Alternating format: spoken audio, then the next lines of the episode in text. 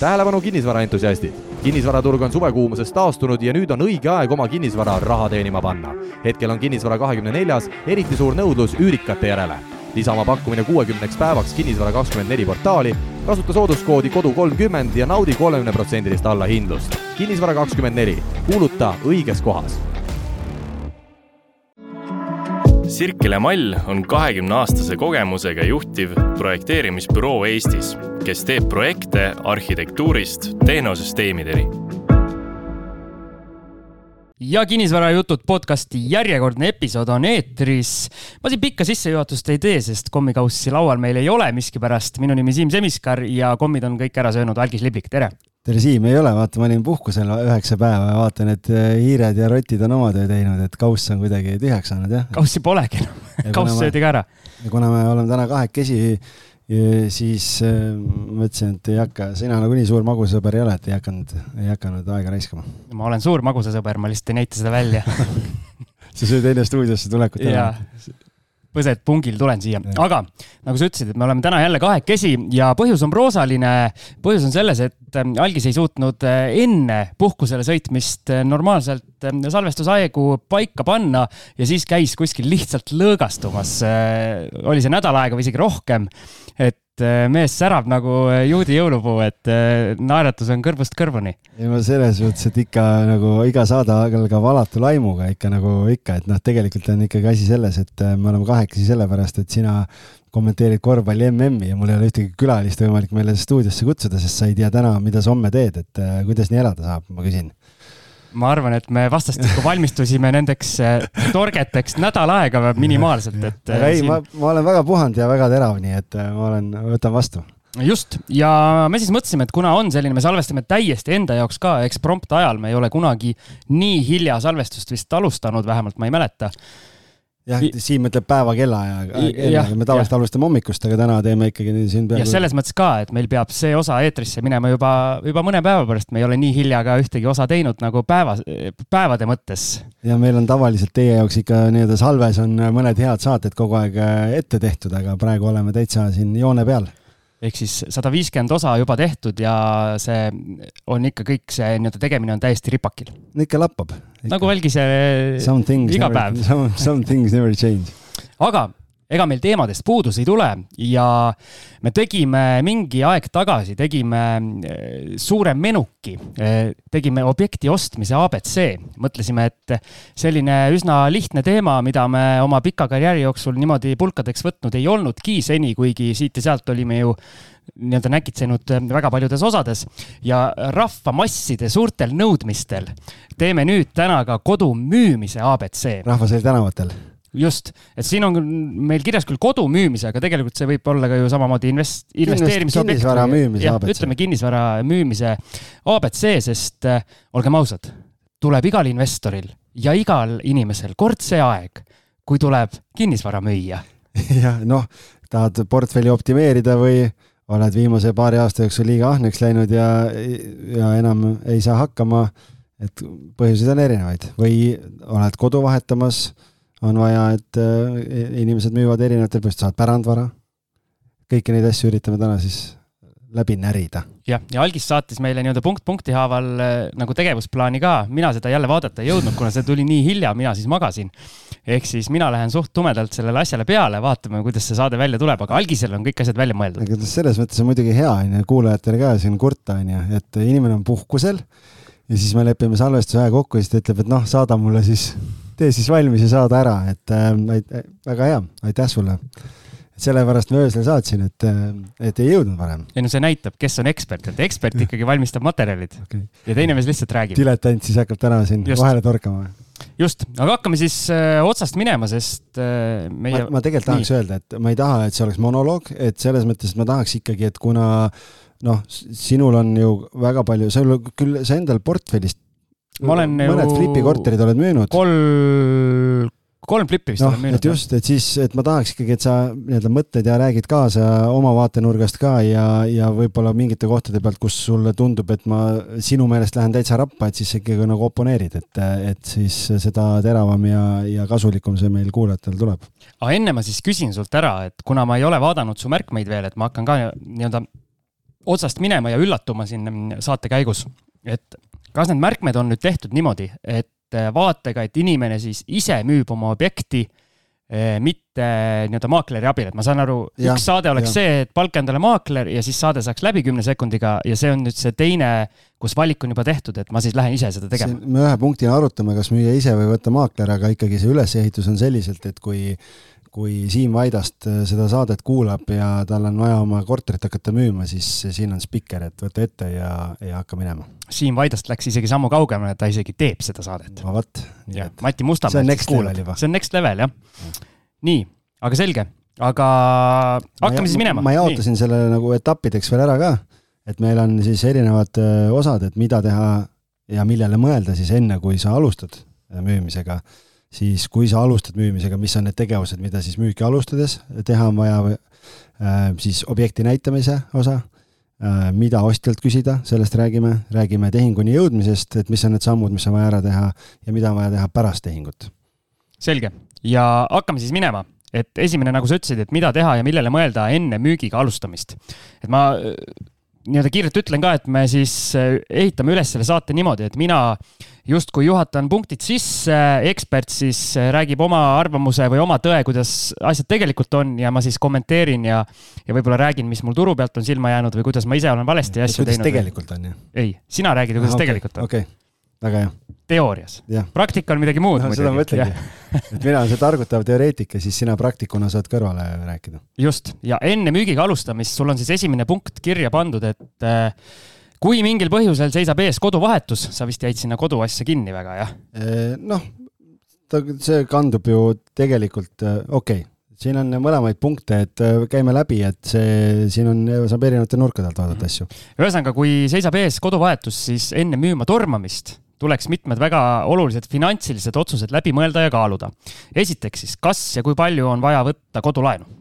noh, selles mõttes lihtsalt, et äh, kui me vaatame nagu sellest vaatevinklist, et äh, üks keskmine eestlane vahetab kodu elu jooksul, noh, ostab nii-öelda uue kodu ähm, neli-viis korda, on selline nii-öelda klassikaline muster, et äh, et siis see ei ole võib-olla selline igapäevane tegevus, et kui me ei räägi nagu investori vaatest, vaid räägime sellest, kellestki, kes tahab oma kodu müüa, et siis lihtsalt äh, täna ka, kui ma näen äh, inimesi, kes käivad äh, vaatamas korterit, mida ma müün, siis väga paljudel on äh, kodutöö tegemata, et nad ei ole isegi pangas käinud veel üldse, et ära kaardistada üldse, et kas nad kodulaenu saavad, kui palju nad saavad ja mis tingimustel nad saavad, et tegelikult enne, kui, kui, kui nagu oma praeguse kodu müümisega alustada, et suuremat näiteks on vaja, siis võiks ikkagi nagu enne välja uurida ka, mis need võimalused üldse on ja et kas sa saad üldse seda sammu ette võtta siis eh, kas omafinantseering eh, uue, uue objekti ostuks siis on olemas või, või tuleb otsida lisatagatist? no siin nagu point on selles, et kui sul on koduvahetus nagu vaja ära teha, et siis on nagu see küsimus lihtsalt, et, eh, et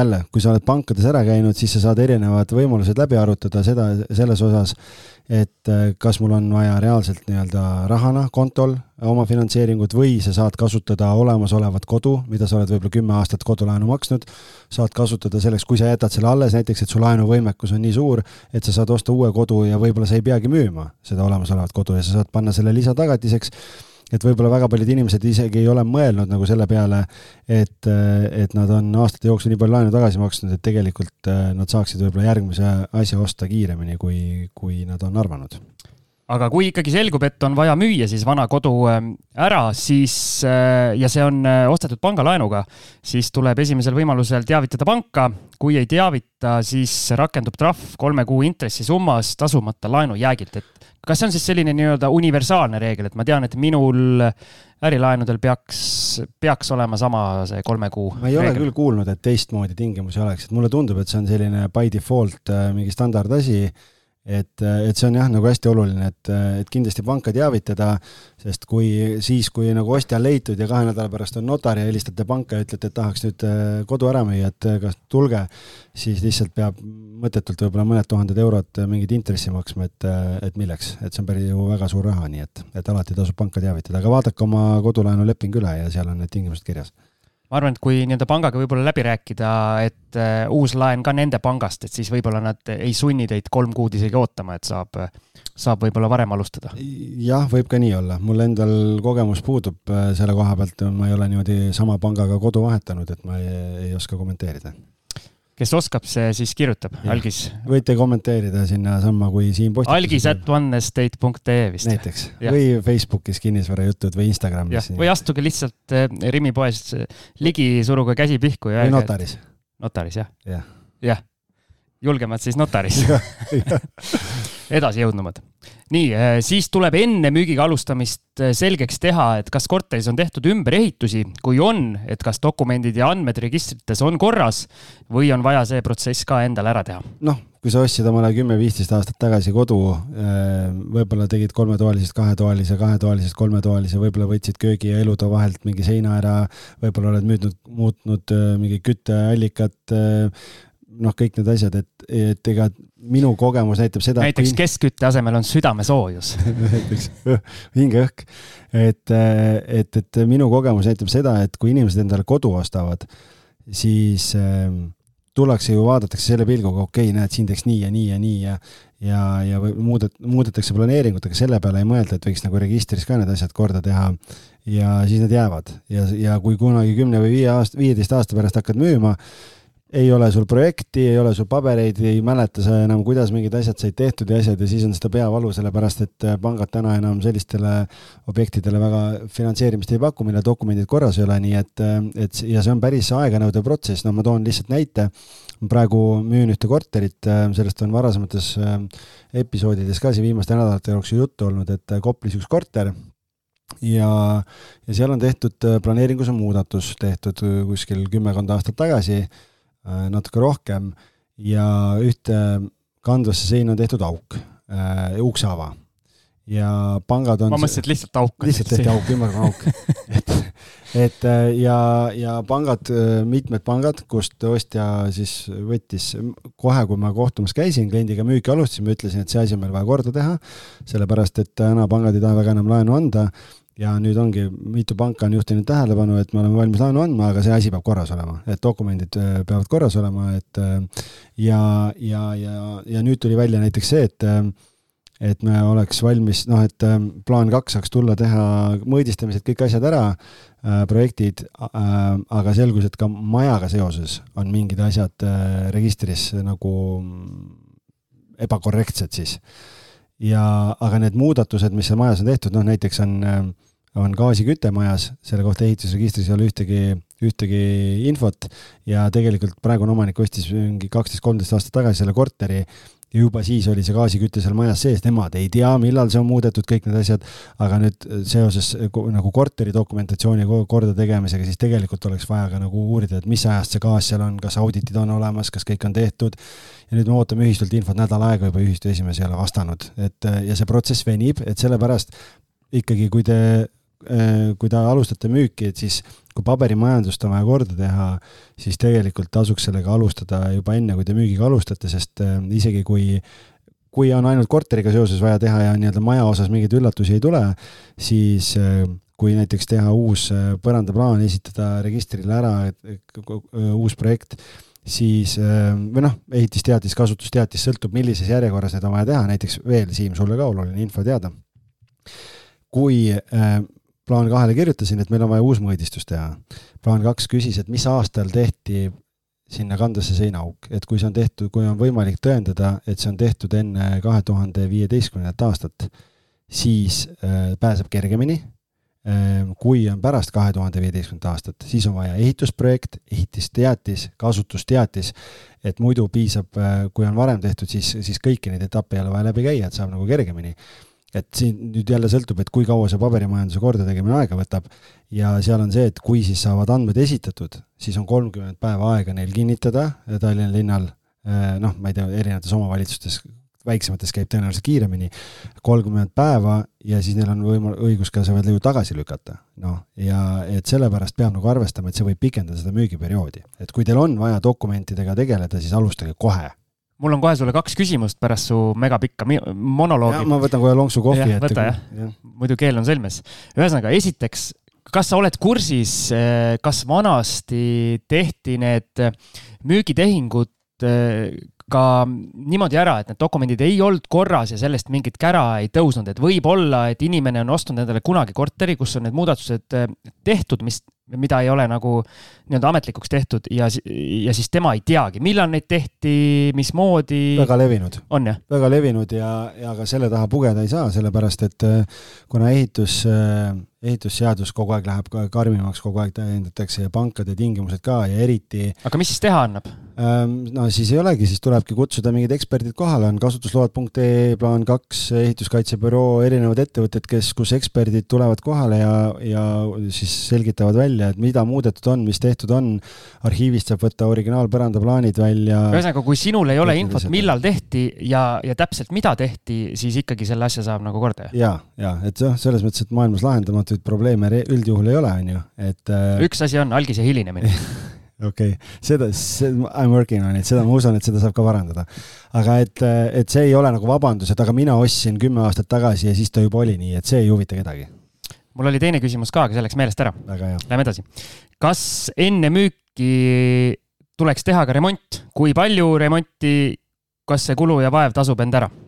Üldjuhul mul on tunne, vaadates kuulutusi, olles nii-öelda rohkem ostupoolel, siis pigem väga harva võetakse see töö ette, et vist ei taheta enam selle, justkui see nii-öelda vana, vana objekt on juba noh. et saaks, kaela, nagu, saaks jah, kaelast jah, ära. just täpselt see, et saaks kaelast ära ja siis saab juba uude, uude koju minna, kui ja. me räägime koduostjatest no, või müüjatest. siin on lihtsalt see asi, et ähm, et siin tasuks nagu vaadata selle pilguga, et ma ei mõtle, see remont ei pea olema nagu sellepärast, et äkki ma teenin rohkem raha müügiga. vaid küsimus on ikkagi selles, et kui korter on väsinud, kui seal ei ole viimased kümme-viisteist aastat remonti tehtud, siis see on emotsionaalselt ülitugev argument hinnasurveks kohe.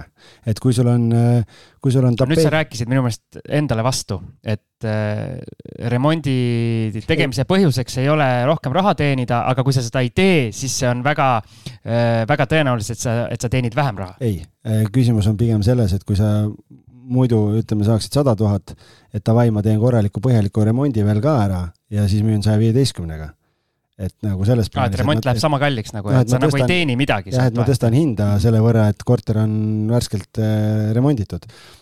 aga, aga teistpidi on see, et kui, kui ostja tuleb sisse, vaatab, et ah, ma ei tea, tapeet on kulunud ja lagi on kollane, nagu sul oli siin just ja ja, ja noh, mingid sellised visuaalsed asjad, ma ei tea, silikoon hallitab äh,, mingid pisiasjad võib-olla, mida saaks tegelikult lihtsa vaevaga ära teha, mis oluliselt parandavad korteri väljanägemist. et kui inimene, seal on nagu suur vahe, kas inimene tuleb vaatama ja tal tekib tunne, et oo, et ma saan, ostan ära, tulen sisse, ma ei peagi tegema midagi või see, et ah kurat, et siin peab seda tegema ja seda tegema ja seda tegema. ma võib-olla isegi täiendaks, et inimene tuleb sisse ja mõtleb, oh, et ma kohe ei peagi midagi tegema, et see sõna kohe nagu. et kui ta näeb, et on täiesti väsinud, eh, siis ja, ta vaatab no,, et peab hakkama kohe nii-öelda nokitsema, elan sees ja pean hakkama midagi tegema. raha sisse ja. panema ja mul seda ei ole ja noh, et ikkagi see, see läheb mul eelarvest välja või noh, et umbes, et äh, ma ei oska ise ja ma ei saa ja noh, et äh, et, et seal ongi see küsimus, et tasuks nagu enda jaoks äh, nagu läbi mõelda see ja vaadata nagu kriitilise pilguga äh,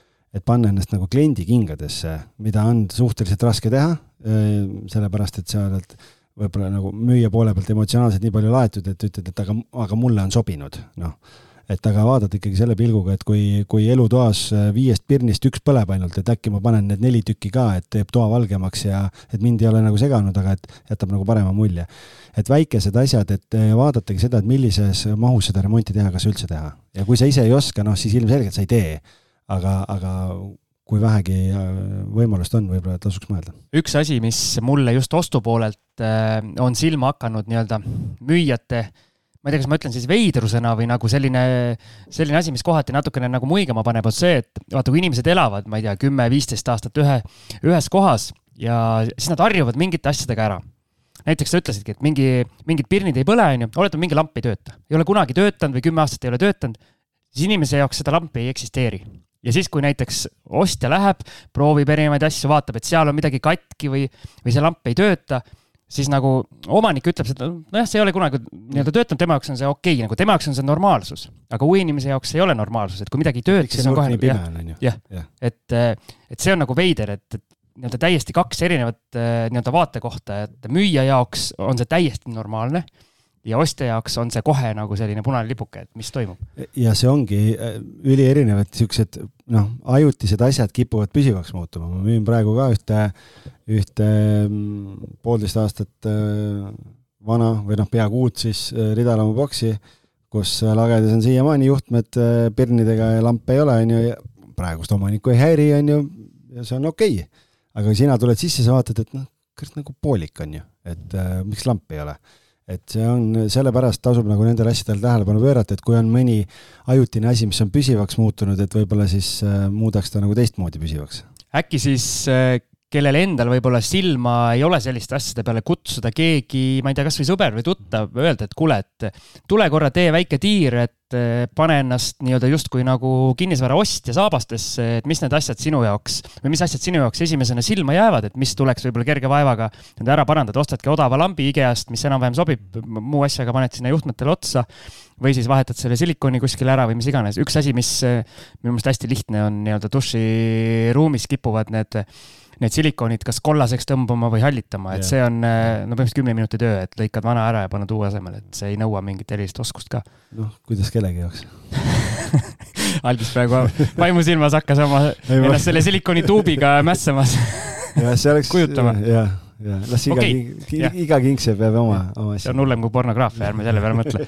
nii, äh, järgmine punkt, müügiperiood mis ajaks korter äh, müüdud saama peab ja mis juhtub, kui äh, see ei õnnestu? noh, see on lihtsalt sellepärast, et, ähm, et see aitab sul enda jaoks võib-olla lahti mõtestada seda, et ähm, millise hinnaga sa müüma lähed, et kui sinna hinnastamise juurde me ka jõuame, aga aga, aga lihtsalt see, et ähm, mul on olnud juhuseid ju nende aastate jooksul, kus inimene helistab mulle kuu aega enne seda, kui tal uue koduvõtmete äh, üleandmine, nagu asjaõigusleping on ja ütleb, et kuule, ma olen neli kuud proovinud, ma pole müüdud saanud, mul on nüüd on kiire juba, et mul on alarma, et palun aita. noh, aga et siis see on automaatselt hinnasurve kohe ja siis on juba, vaatad, rongivagunid hakkavad juba jaamast lahkuma ja, ja tagatuled veel õrnad paistavad, on ju. Mul nüüd tuli meelde, äkki hüppame korra tagasi, üks küsimus, mis mul jäi selle dokumentide ja andmete uuendamise, uuendamise koha pealt, et äh, kui, äh, kui müüja ei viitsi seda teha, siis äh, või ei taha seda teha, mis põhjusel, siis tegelikult ega objekt ei pruugi ju müümata jääda, et siis üks variant on see, et tuleb cash buyer või nii-öelda rahaga ostja, kes panka ei pea minema, eks, aga see tähendab kohe automaatselt ka, et sa pead siis nii-öelda hinnas kõvasti järele andma, on mul õigus? noh, tavaliselt need, kes on ilma pangata, nende automaatne või nagu põhiline argument ongi see, et mul kiire tehing äh, ja, ja, ja ma võtan nii, kuidas on, mind ei huvita, aga et, et hind on selline. Ja teiseks, mis ma tahtsin veel eelmise punkti juures, selle remondipunkti juures äh, kommenteerida nüüd tagantjärele veel. Eh, mina ju tegelikult nüüd eh, proovingi leida endale neid, justkui neid lihtsa või selle mugavusflipi objekte, mis täpselt mängivad selle peale, et inimene ei viitsi remonti teha. ei sunnitud... viitsi või ei oska reaalselt. jah, no ma arvan, et eh, üsna palju on ikkagi seda, et ei viitsi. mul on üks kogemus seal nii-öelda mugavusflipiga, see Kehra nii-öelda korter, kus reaalselt oligi vaja panna uus mööbel, oli vaja panna uued kardinad, teha üks sein korda, kus oli hästi palju pilte rippunud, lihtsalt ära pahteldada, ära värvida, värvikoodi sain veel vanalt omanikult. siis oli vaja vannitoas, oli see, no see kuivatus, see nii-öelda mhm. toru, see oli seal kolletanud, ma arvan, mingi, mingite asjade kuivatamise tõttu, värvisin selle metallivärviga üle või selle radiaatori värviga üle ja, ja põhimõtteliselt ma vist rohkem midagi seal ei teinud ehk siis kõik need väiksed asjad, mida, mida inimene oleks saanud väga lihtsa vaevaga ise teha. ja teada ja seal on ka see, et üks asi on see ähm,, kuidas ma ütlen, mitte viitsimine, aga see, et inimene on harjunud ja maitsed on väga erinevad, et, et noh, ongi, kellelegi meeldib punane köök, kellelegi meeldib lilleline, lilleline tapeet. ja kellelegi meeldib, meeldib auguline sein või? ja sektsioonkapp on ju, noh yeah., ja sina lähed sinna ja vaatad, no issand jumal, aga ta on kolmkümmend aastat elanud selle sektsioonkapiga ja tal on see eluaeg meeldinud ja, ja tema ema kunagi ostis selle ja, ja nagu, et ja see ongi okei okay., et seal neid argu-, nagu põhjuseid, miks need seisukorrad on sellised, on tegelikult hästi erinevaid, et äh, aga jah, et noh, mul on ka kliendid on öelnud, ma lähen korterit müüki võtma, et äh, et äh, ei noh, see, see köögikraan siin jah, natuke tilgub, aga noh, see on jube lihtne korda teha, on ju. no aga tee korda siis, sellest me rääkisime seal, seal ostmise saates ka, on ju, et tee korda siis, ma ei tea, kutsu, kui sa ise ei oska, võta toruabi kakskümmend neli, mine ütle, et mul on vaja segist ära vahetada ja tullakse kohale, vahetatakse ära, et et või kuskilt internetist leiad täna ka torumehi, et aga kui me nüüd sellest müügiperioodist uuesti räägime või tagasi sinna tuleme, kas on sul veel seal midagi kommenteerida, et kui ikkagi on mingi nii-öelda tihe graafik, mis hetkeks maha peab olema müüdud, siis peab vähe teistmoodi lähenema asjale? selle müügiperioodi puhul on ka veel oluline hinnata seda, et siin, see on ka nagu üks argument, kus kaaluda seda, et kas müüa ise või võtta maakler, et noh, et kui sul reaalselt endal on töögraafik näiteks selline, et ma ei tea, sa töötad üheksast üheksani kuskil ja sul on väga piiratud aeg. ja näidata ei saa, eks. millal sa näidata saad, on ju, siis see on automaatselt kohe takistus ja see pikendab müügiperioodi. teine põhjus põhjus on see, et kui näiteks äh, mm, noh, ma ei tea, sul on mingi tulumaksuga seotud äh, küsimus, et sul on äh, ühe aasta jooksul enam kui kui kaks tehingut teed, siis sa saad ühe korra ainult tulumaksuvabastust küsida, see on ka meil järgmine punkt ka, on ju. et siis, siis on ka võib-olla see, et noh, et sa pead vaatama, et, et millal mul on mõistlik alustada, et mul ei jookseks nagu see kuidagi sinna sisse, et, et võib-olla ma peaksin ootama kuu või kaks veel müügi alg-, algusega näiteks, kas ma saan oodata üldse, et äh, et noh, ma ütlen, et neid nüansse on tegelikult hästi palju, täna me saame siit kõikidest nendest punktidest, mida on hästi palju, üle libiseda ja, ja ma loodan, et kõik, kellel mingi küsimus või asi õhku jääb, et nad siis saavad tegelikult internetis leiab väga palju informatsiooni kogu selle asja kohta, et lihtsalt enda jaoks täiendada siis nagu ja uurida juurde. Just, ja sa juba nii-öelda tulumaksu tõid sisse, et kui pole kodumüük, siis kindlasti läbi mõelda ja arvutada see tulumaksu, tulumaksu teema, et kui palju seda peab siis riigile maksma ja, ja tulumaksuvabastust, nagu sa ütlesid, saab küsida vaid nii-öelda kodu müümisel äh, vaid äh, ühe korra kahe aasta jooksul oli. jah, et, et oluline on aru saada sellest, et me veel kord, ma toonitan siin, et me Siimuga kunagi juriidilist ja maksunõu ei anna, et me räägime eriti oma mina siis muidugi. oma kogemustest on ju, aga, aga et äh, tulumaksuvabastust saab küsida ühe korra kahe aasta jooksul kodu müümisel, mitte kinnisvara müümisel, vaid oma kodu müümisel. just, ja Peeter Pärt oli selles maksu osas, mis oli number, ma ei tea. kaheksakümmend üks. ah, see on sul peas, jah ja. seal me tegelikult päris, päris detailselt lahkasime seda teemat, et Pärtel, Pärtel Peeter rääkis, kuidas äh, noh ja väga hästi Peeter rääkis nii, et keda see tulumaksu teema kuidagi puudutab või huvitab, võtke, otsige kaheksakümmend üks saade üles ja kuulake Peetriga saade ära, et see on, on ajatu ja, ja väga kasulik. Peeter paneb äh, lihtsalt alati puhast kulda Just. suust välja. nii, aga järgmine suur punkt, müügiga alustamine ja nüüd teeme pausi. Sirkele Mall on kahekümne aastase kogemusega juhtiv projekteerimisbüroo Eestis, kes teeb projekte arhitektuurist tehnosüsteemideni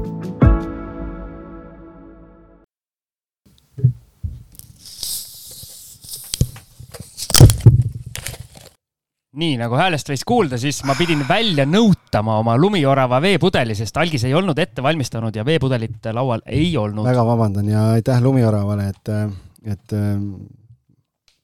maitseb endiselt hästi. nii, aga meie saade maitseb ka hästi, sest me läheme edasi järgmise suure punktiga. müügiga alustamine siis, kõik need eeltööd on tehtud, mõttetegevus on, on läbi ja esimene punkt siis, äh, algise lemmikpunkt, tal on vastus teada, minul ka. kas tegeleda müügiga ise või kasutada maakleri abi? no Siim, mis on õige vastus siis? no muidugi ise no.. siin ei ole tegelikult õiget vastust, ei ole jah, et äh.... kui müüd ise, siis mis on see põhjus, küsib Algis. ma ütlen, Algis, mis see sinu asi on ei, see ei olegi minu asi, sest tõenäoliselt kui sa oled otsustanud ise müüa, siis sa minu juurde ei jõuagi, et äh, kui sul just äh, hapuks ei lähe. aga ei, lihtsalt mõte on lihtsalt selles, et noh, et kui kui hakata enda jaoks läbi mõtlema seda müüki, et kui sa mõtled, et kas ma müün ise või, või kasutada maaklerit, siis no kogemus ikkagi näitab seda, et reeglina see taandub sinna raha küsimusele, et ma ei saa maaklerit võtta, sellepärast et äh, siis ma pean osa rahast ära maksma. või siis väärtusel ka, et ei saada sellest väärtusest aru, sest äh, kuvand on, on kohati nagu, nagu ta on, on ju. või siis on mingi halb kogemus võib-olla no,. kas endal või kellelgi teisel on mingi, mingi halb kogemus. et, äh, et see on nagu tasub mõelda selle peale ikkagi, et ma ütlen nii palju lihtsalt, et meie kui maaklerite, professionaalsete maaklerite eesmärk alati peaks olema see, et me müüme ikkagi sinu korteri ära nii, et sina saad oma raha kätte ja meie saame oma tehtud töö eest raha kätte, et ähm, mõnikord õnnestub, alati mitte, aga, aga see on see, mille, mille nimel me töötame ja, ja mille poole me püüdleme ju alati, et meie eesmärk on ka müüa nii kalli hinnaga kui võimalik, aga aga noh, et just, et, et, et see raha ei, ei tohiks olla see ainukene kriteerium, et sa peaksid nagu mõtlema võib-olla natukene laiema, laiema pildiga seda ja lihtsalt noh, enamus sellest saatest täna me räägime ikkagi selles võtmes, kuidas, et kui sa ise müüd. et me maakleritele siin oleme promo teinud ja oleme rääkinud, miks kasutada maaklerit, et meil on selle kohta ka saated olemas. aga, aga siis kindlasti tasub ka mõelda seda, et kui Need sa on otsud... need saated, mida keegi ei kuula. nali tegelikult. top kümme, top kümme ikka, et, et, et, et kui sa valid siis, et siis samamoodi, kui sa võtad maakleri eesmärk ei tohiks olla see, et saan linnukese kirja, et ma võtan maakleri, vaid äh, siis ikkagi tuleks nagu ka jälle mõelda, et mille alusel seda maaklerit valib, kes müüb. et, et siis nagu, mis siis nagu päriselt see kõige olulisem asi on, kas äh, kas soodsaim vahendustasu, on ju, mis tegelikult on hukatus, et seda teed kindlasti ei tohiks minna pikaajaline kogemus, võib-olla see on midagi muud kolmandat, ma ei tea, inimesena kuidagi sobib sulle, sõber soovitas, äh, noh, mis iganes, sotsiaalmeedias väga nähtav, kuidagi, kuidagi mingid sellised asjad, aga et et jällegi, äh, ärge lähtuge rahast, vaid lähtuge sellest väärtusest ja kogemusest ja kõigest sellest, mida see maakler siis nagu pakub, et. Ma siin igaks juhuks ütlen vahele, kuna meil on hästi palju toredaid maakleritest kuulajaid ka, siis ma seda teravat maaklerite suunas tõmban ikkagi sellepärast, et algisega siin äh, nii-öelda natukene sellist dialoogi tekitada, et need maaklerid juba, kes meie saadet kuulavad, ma arvan, et teie kõik olete väga tublid. ja ma arvan ka, nii et tervitused kõikidele. just, elagu maaklerid, aga ma müün ikka ise aga tegelikult, mis ma tahtsin öelda. Äh, ma sain mingi aeg tagasi, sain Messengeris, sain ühe kuulaja käest küsimuse just äh, nagu maakleri valimise teemal.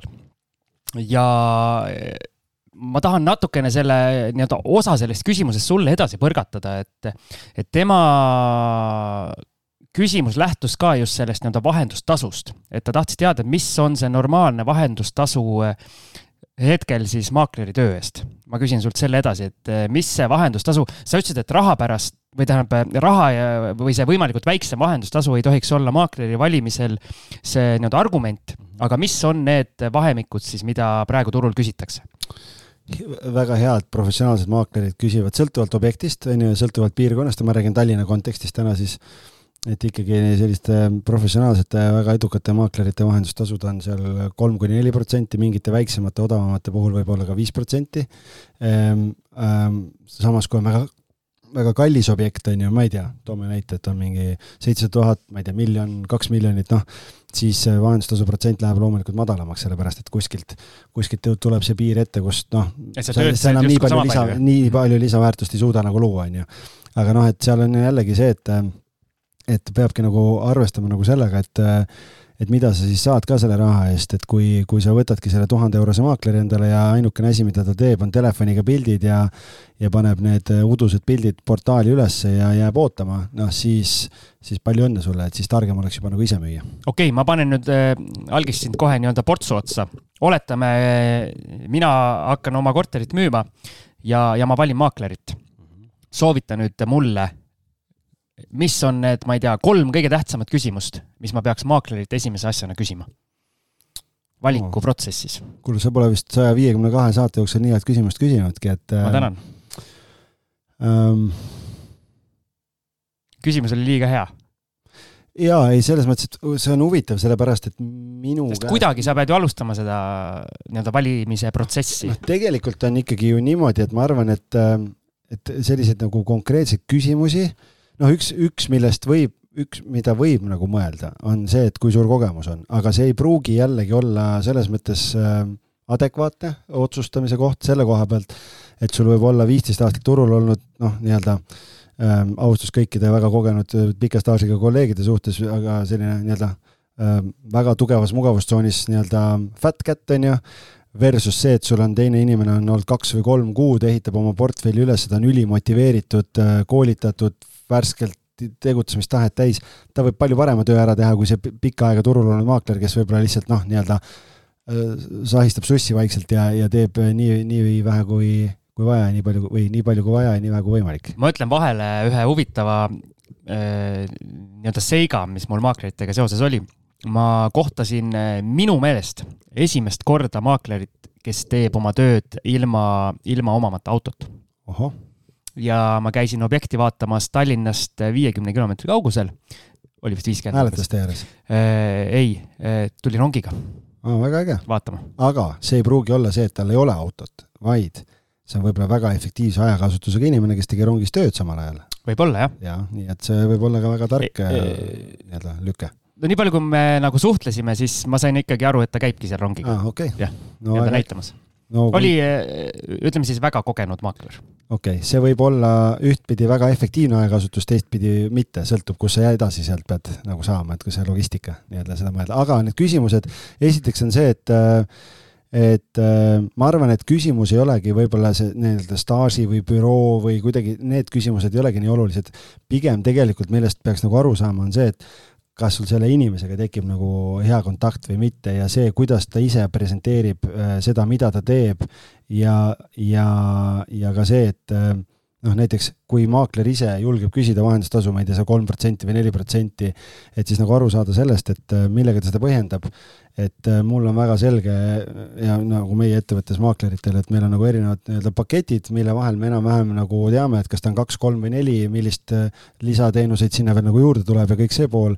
et kolme otsest nagu väga head küsimust ei ole, mina vastupidi tavaliselt, mina ütleks nii, et äh, iga maakler peaks küsima sinu käest mida sa minult kui maaklerilt ootad nagu, mis su jaoks kõige olulisem on? et noh, üks asi on see, et okei okay,, ma müün, ma panen portaalidesse üles, teen mingid videod, mingid asjad, kõik on ju, aga mida sa tegelikult ootad, mis on see oluline, mille järgi sa valid üldse maaklerit, et äh, see ei tähenda seda, et ma peaks tohutult äh, siis hakkama selle suunal seal müügitööd tegema ja seda push ima, aga nagu päriselt aru saada, et kas nagu nii, nagu sina valid maaklerit, valin mina klienti ka, et kas meil nagu üldse klapib omavahel või mitte, on ju, et see on niisugune pikk, pikk vastus võib-olla, aga mingit top kolme küsimust mul on nagu, ma, ma ei oska niimoodi välja tuua, võib-olla sellepärast ka, et ma ise olen teisel pool lauda, et äh, ei tahaks, ma ei, ma ei vali maaklerit ise, et ma, ma ei ole kunagi pidanud neid küsimusi küsima. okei okay,, aga see maakleri teema, see, nagu Algis ütles, meil on, meil on eraldi osa sellest, aga paar, paar punkti tegelikult jaa, paar punkti siin on, et mida ma tahtsingi, et äh, suurim viga, mida teha, mida me ikkagi aeg-ajalt, mina siis objekte otsides ka näen, et äh,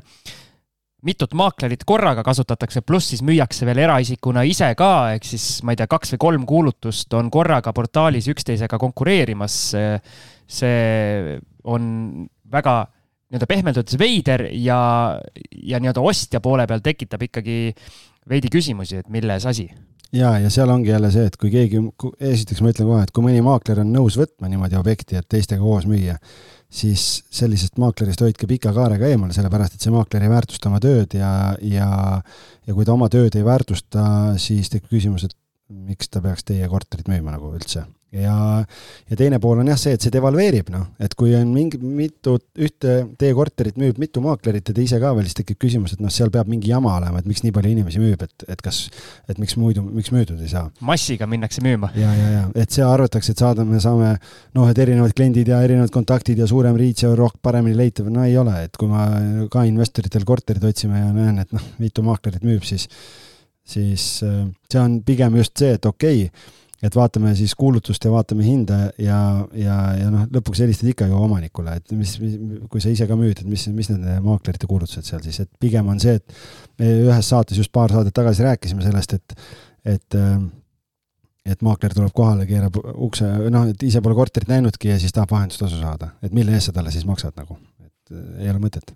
ja maaklerleping veendu, millele sa alla kirjutad. ehk siis alustame üldse sellest, et kui sa valid maakleri, siis ilma lepinguta ei ole mingit müüki, on ju. hämmastav on minu jaoks see, et äh, väga palju koostööd tehakse ilma lepinguta ja see on minu meelest äh, väga ohtlik äh, nii omanikule kui, kui maaklerile mõlemale, sellepärast et kui sul ei ole omanikuna lepingut maakleriga, siis kus on kokkulepe, mis, mille eest kumbki osapool vastutab nagu, et see on ju, see on su kinnisvara on su perekonna järel tõenäoliselt su nii-öelda kõige kallim vara, on ju. ja et siis võiks nagu hoolsalt nagu ümber käia ja kokkulepped äh, paika panna, et äh, mida siis kumbki pool kohustub tegema. ja, ja miks ma, miks ma selle punkti pidasin vajalikuks välja tuua, on lihtsalt see, et äh, minu hämminguks on see, et üks osapool on see, kus töötatakse ilma lepinguta ja teine osapool on see, et allkirjastatakse lepinguid, kust ei ole võimalik välja astuda. ehk et äh, mul on olnud juhuseid, kus tuttav pöördub minu poole, ütleb, et kuule, et kas sa saaksid aidata mul äh, korteri ära müüa, et mul praegune maakler kuidagi noh, müüb juba jube pikalt ja aga kuidagi ei edene ja asjad, et noh, et ma tunnen, et ma tahaks temaga koostöö ära lõpetada ja, ja siis ma ütlen, et okei okay,, et, et noh, ma ei tea seda tausta ja, ja ma kunagi ühtegi kolleegi maha ei tee, aga ma ütlen, et enne kui üldse mingit juttu saab tulla, et vaata, ole hea oma maaklerleping üle, et mis su lõpetamise tingimused seal on, on ju, ja siis saab nagu edasi rääkida, siis ütleb, et oi jah, kuule, näed, ma ei saagi lõpetada, et siis ma pean vahendustasu maksma või nagu trahvi maksma, onju, ma ütlen, et nagu, ma küsin, mis see summa on, siis ta ütleb, noh, et äh, seesama protsent, mis on see vahendustasu, ma ütlen, et okei okay,, et sa võtad omale teenuse, ostad teenust, sa ei ole teenusega rahul ja siis selleks, et teenust lõpetada, sa pead maksma raha teenuse eest, millega sa ei ole rahul, et kus see loogika on, et kuidas sa üldse alla kirjutasid sellise lepingule? oh no ma ei tea jah, et nagu, et ikkagi vaadake nagu järgi, et äh, normaalsetel büroodel, normaalsetel maakleritel on sellised lepingud, kus on noh, me, meil on selle asja nimi on reklaamitasu, ehk et kui sa ei ole tööga rahul, sul on äh, lepingus sätestatud äh, mitu päeva ette, sa saad lepingu ära lõpetada ja siis sa lihtsalt maksad selle reklaamitasu ja, ja ongi kõik, et me saame oma kulud kaetud, pildid, mingid äh,, kui on videod, asjad tehtud äh,, portaalide kulud, kõik see pool, meie kütus, meie aeg, on ju, et, äh, et see on mingi mõistlik summa, et see ei ole mingi trahv, et mingi, meil ei ole trahve, et, et, et kui te kuskile alla kirjutate, siis ikkagi vaadake ka, kuhu te oma konksu külge panete see viimane lause kehtib igal pool elus. noh, see on nagu laenulepingutega või ükskõik millega ju no,. kui te nagu... kuskile alla kirjutate, siis vaadake, millele te alla kirjutate. mõistlik, mitte nii, et noh, et kuule, et äh, sa liigud, hoia pliiatsit ja ma liigutan paberit, on ju, noh, et nagu päris nii ei peaks nii, aga lähme siis edasi, tundub, et see maklerite teema jääb nüüd, jääb nüüd selja taha, et jätkame sellest osast, et Mati Mustamäelt müüb ise oma vägevat Mustamäe kolmetoalist lukskorterit, mis ta kunagi pärast eh, Brežnevi surma endale sai. koos selle sektsioonmööbli ja kõige uhke. just, see on siiamaani ja need ümmargused ilusad eh, käepidemed ka ustel. Eh, nii, kui on ühisvara, siis mõlemad ühisvara osapooled siis peavad müügiga nõus olema koos olevate paaride puhul see üldjuhul probleem ei ole, aga kui lahkumineku korral on see, aga lahkumineku korral on see oluline nüanss. jah, selles mõttes, et kas ta on sul ühisvarana või on ta nii-öelda, kuidas ma ütlen, abikaasade vahel siis kaasomandis viiskümmend, viiskümmend, noh, seal kuidas me seda tahame nimetada, et selles mõttes on, ta on natuke naljakas punkt võib-olla, aga, aga et oluline on jah see, et kui, kui, kas teine pool ka nõus on, noh et äh, sa võid küll äh, korteri ülesse panna, kuulutuse ülesse panna, leiad sinna ostja ka, aga kui teine pool notarisse ei tule, noh siis mis sa teed siis, et, äh, et siis ju jääb tehing katki.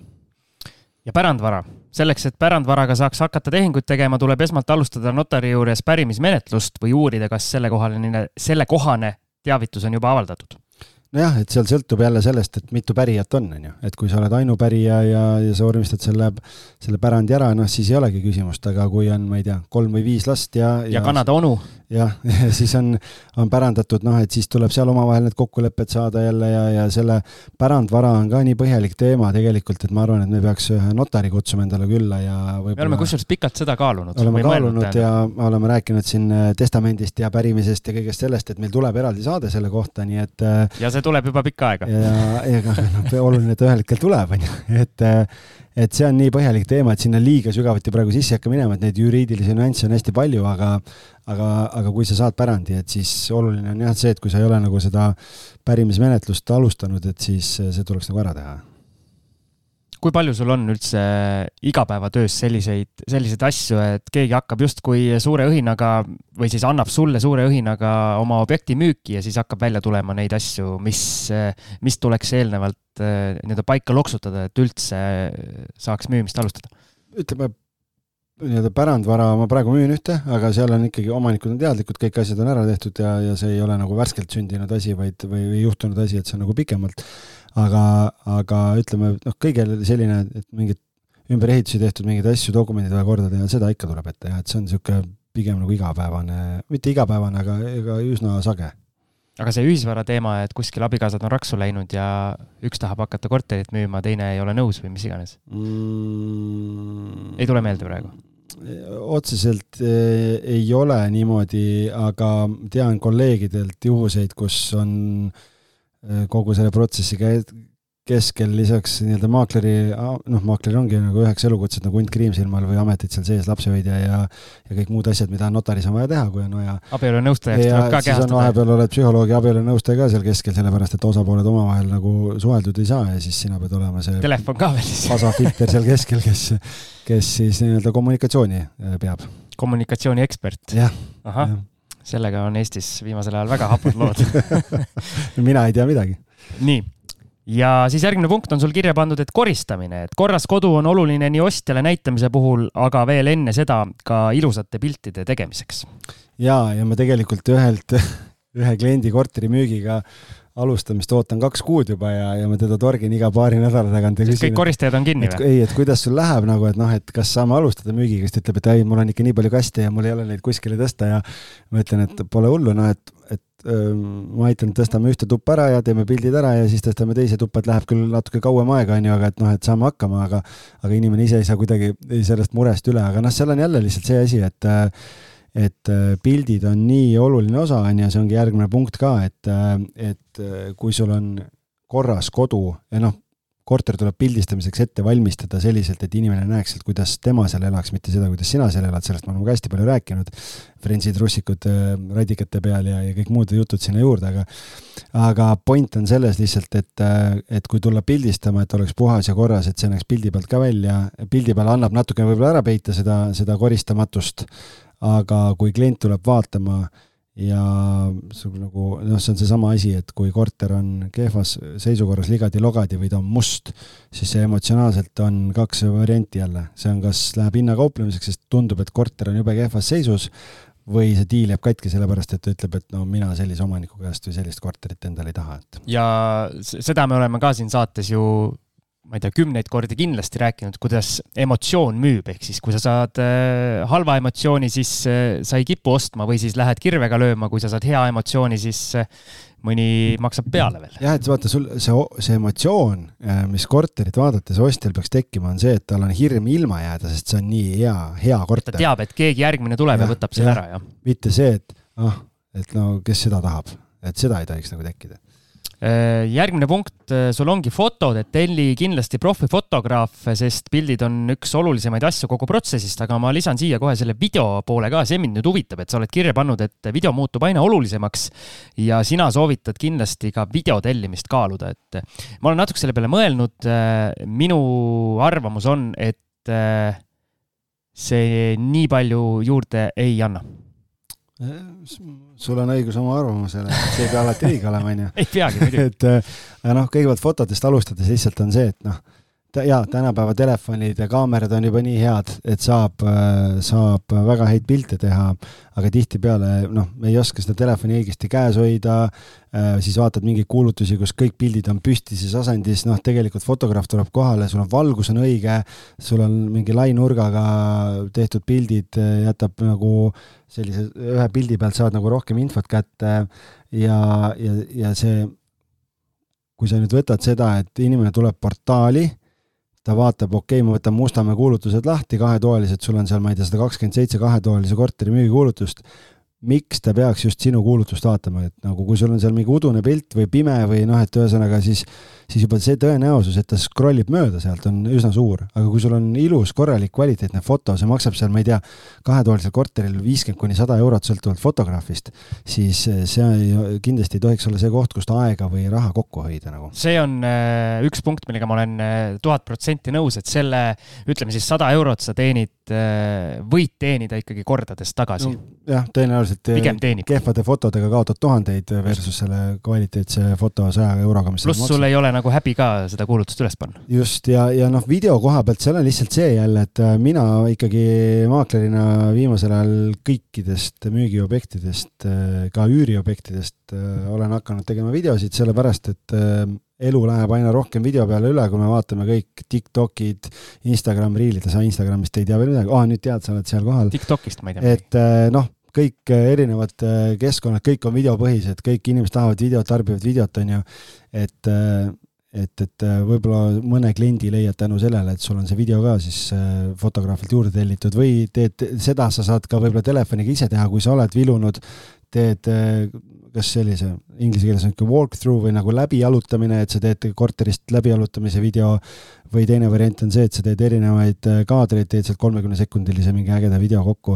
et, et see on jälle lisaasi, mida sa saad kasutada, tõenäoliselt korter ei jää müümata, kui sul seda videot tehtud ei ole, aga see annab võimaluse püüda mingeid silmapaare, kes võib-olla muidu kinnisvaraportaalis käia ei viitsi, aga Facebookis või kuskil jääb see video silma ja siis vaatavad, et ohoh, mis asi see on nagu no vot, mina olen see nii-öelda vana dinosaurus, keda see Jah. videoasi üldse ei kõneta, ma absoluutselt, ma vihkan seda, kui korteri, kui sa teed need pildid lahti ja, ja esimene on see mingi 3D asi, mida ei saa kuidagi eest ära ka ja siis ta Aa, nagu jokutab selle ja see on, ja see on jube tüütu, eks ma tahan kohe pilte hakata vaatama ja see on mingi virtuaaltuur, mida ma pean Kusjuures- kuidagi eest ära panema. Äh, jälle vaidlen virtuaaltuuri koha pealt vastu, olen päris mitu korterit müünud, küll nüüd olen rohkem videode peale läinud üle, et see annab nagu, annab ka väga hea ülevaate, aga kolm äh, virtuaaltuur äh, paar aastat tagasi on äh, päris mitmel korral äh, panin tähele, et see säästab äh, nii enda kui omaniku aega sellega, et kliendid vaatavad virtuaaltuuri läbi, nad näevad põhimõtteliselt igat korteri nurka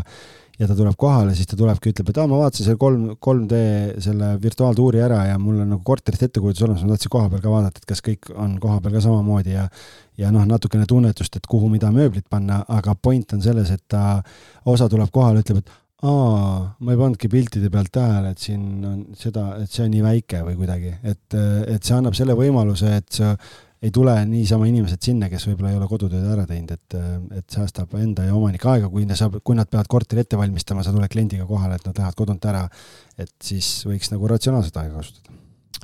järgmine punkt, portaalid, millist portaali kasutada ja miks just seda? Sellest me oleme ka ju rääkinud, on ju, et äh, täna tavakasutaja jaoks kõige soodsam on äh, meie hea koostööpartner Kinnisvara kakskümmend neli, et tervitame neid. et City kakskümmend neli ja, ja KV on nagu hinna mõistes kõige kallimad, aga erinevatel portaalidel on erinevates Eestimaa piirkondades nagu üks on siin tugevam, teine seal tugevam, inimeste kasutusharjumused on väga erinevad. et noh, see on üks koht, kust ma näen, kust tekib nagu see kõige suurem äh, erinevus selle koha pealt, et kui Mati Mustamäelt paneb reeglina, paneb ühte portaali oma kuulutuse üles, ehk et ta, tal on mingi oma kindel lemmik, kus ta käib, Siim käib City's, jah? sina käid City's, jah? ma pole kunagi käinud City's. aa, sa käid KV-s, jah?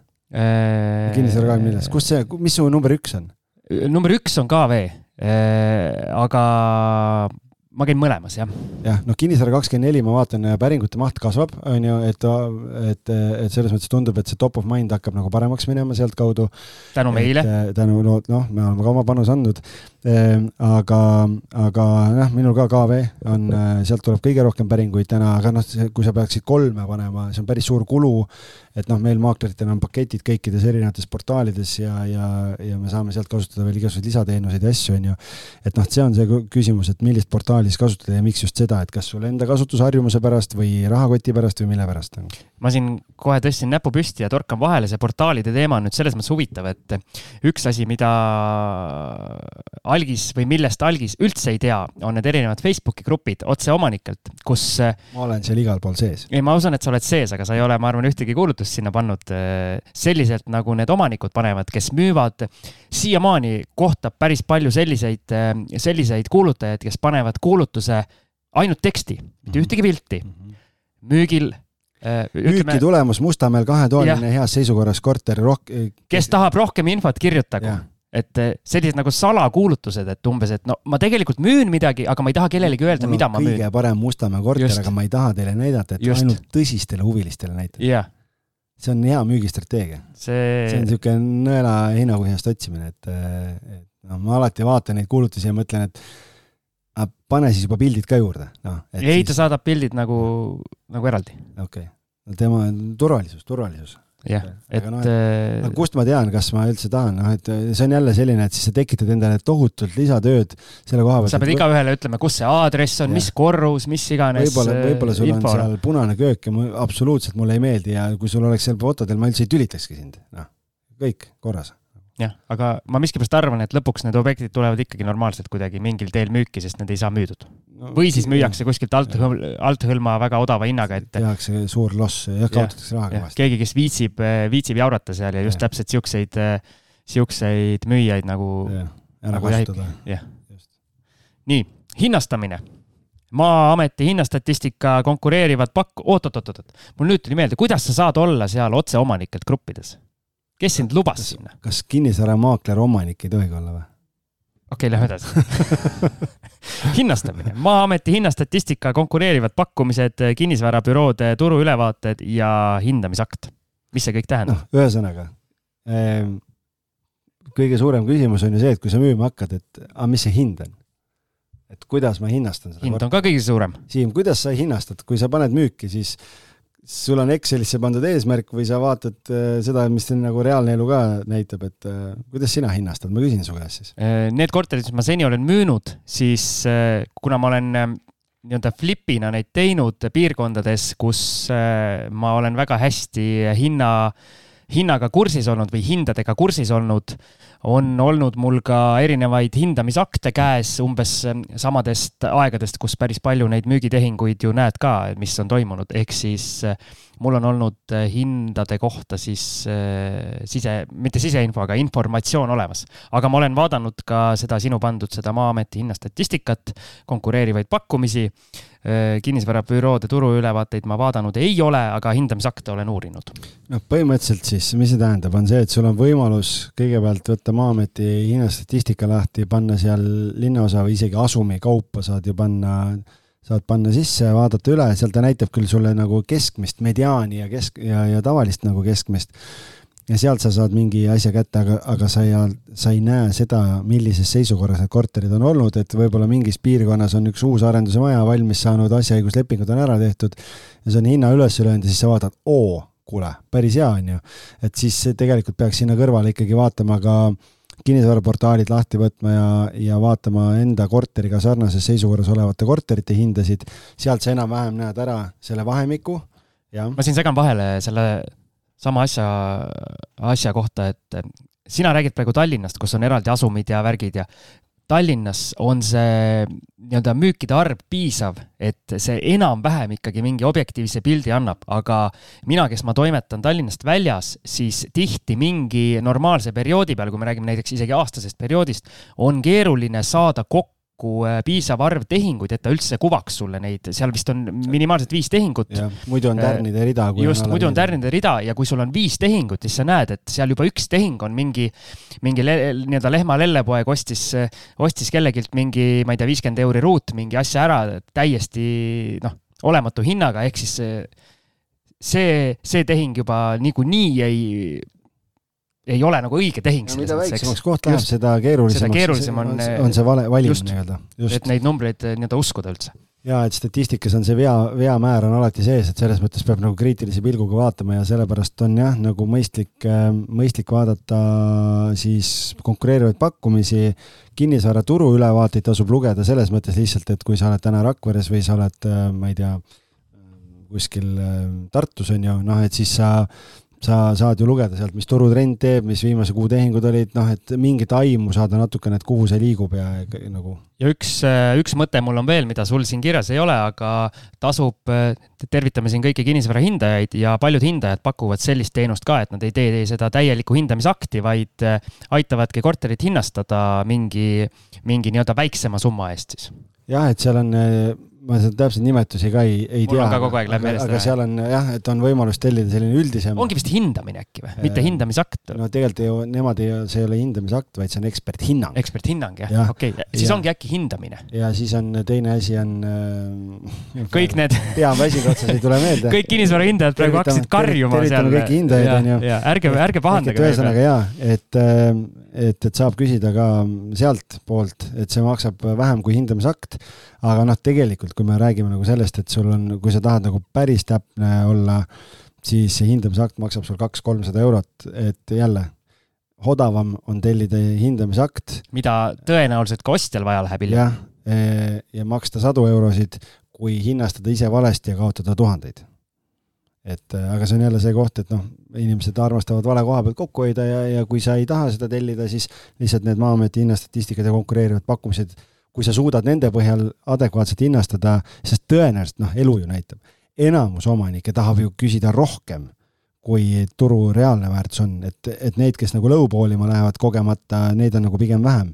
ehk et selles mõttes lihtsalt on see, et äh, jällegi, kui sa lähed nagu liiga kõrge hinnaga näiteks tänases turusituatsioonis ja see pikendab su müügiprotsessi, siis see võib nii palju su korterit äh, devalveerida, et sa lõpuks võib-olla saad vähem raha kui see, et sa oleks läinud adekvaatsema hinnaga kohe. aga tead, miks äh, inimesed on pigem nii-öelda või tähendab, ei taha seda, esiteks seda fotograafi eh, maksta, ei taha seda hindamisakti tellida. tead, miks see on või?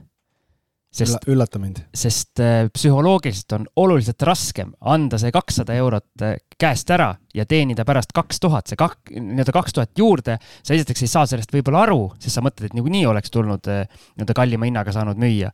ja nii-öelda võidud ei, ei ole üldse nii magusad, kui on kaotused, on valusad jah, nõus, aga ja teistpidi siin on ka võib-olla veel proosalisem põhjus on see, et lihtsalt ei olegi seda raha võtta, et maksta Mike Tropp.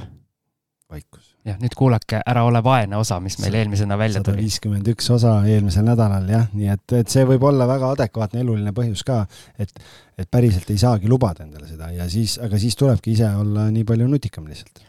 Lähme edasi, muidu me ei jõuagi koju. kuulutuse tekst, liigenda ja struktueeri. Korter, kortermaja, parkimine, kommunaalarved, asukoht, see on see struktuur siis, mida Algis Liblik, tippmaakler soovitab. Näiteks? minu meelest on äh, kõige suurem viga, või mitte kõige suurem viga, üks suur viga, mida tehakse, on see, et äh, tehakse kuulutus niimoodi, et sul on üks lause on korterist, siis üks lause on majast, siis on. oot, oot, oot, oot, kõige suurem viga on see, kui sul ühtegi teksti osa ei olegi. jah, ja. ja ainult... neid kuulutusi on isegi maaklerite poolt üllatavalt palju. tead, pean tunnistama, et ka minult võib teinekord leida ja tead, mis see põhjus on?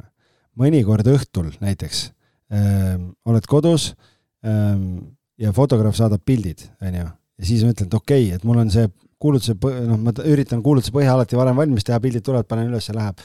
aga mõnikord on niimoodi, et, et, et megatempo on peal, äh, ütlen, et okei okay,, ma sain pildid kätte, davai, ma panen selle kuulutuse üles ja ma homme hommikul tegelen tekstiga ja siis sa võid leida minul ka mingi hommik, mingi kuulutuse näiteks, kus teksti ei ole, ma panen selle teksti juurde, aga info on välja läinud, võib-olla keegi otsib ja ta kirjutab mulle kohe, et seal võib olla see osa. aga kas see, ma ei tea, kaksteist tundi nagu päästab lõpuks? ei, ei päästa, aga mõnikord no ise tunnen, et võib-olla, et see on jälle niisugune sammukene, sammukene kiiremini tehtud. mina nagu mõtlen just seda, nagu selles plaanis, ma nüüd nii-öelda oponeerin sulle. näiteks kui ma otsin objekti, siis äh, ma võtan mingi kuulutuse lahti, näiteks piltide põhjal, võtan kuulutuse lahti ja ma vaatan, seal teksti ei ole. siis võib-olla ma kaotan huvi selle vastu, sest ma ei saa kohe mingeid küsimusi, ma võib-olla ei viitsi, et ta nii huvitav ka nagu ei ole, et ma ei viitsi nagu hakata spetsiaalselt küsima.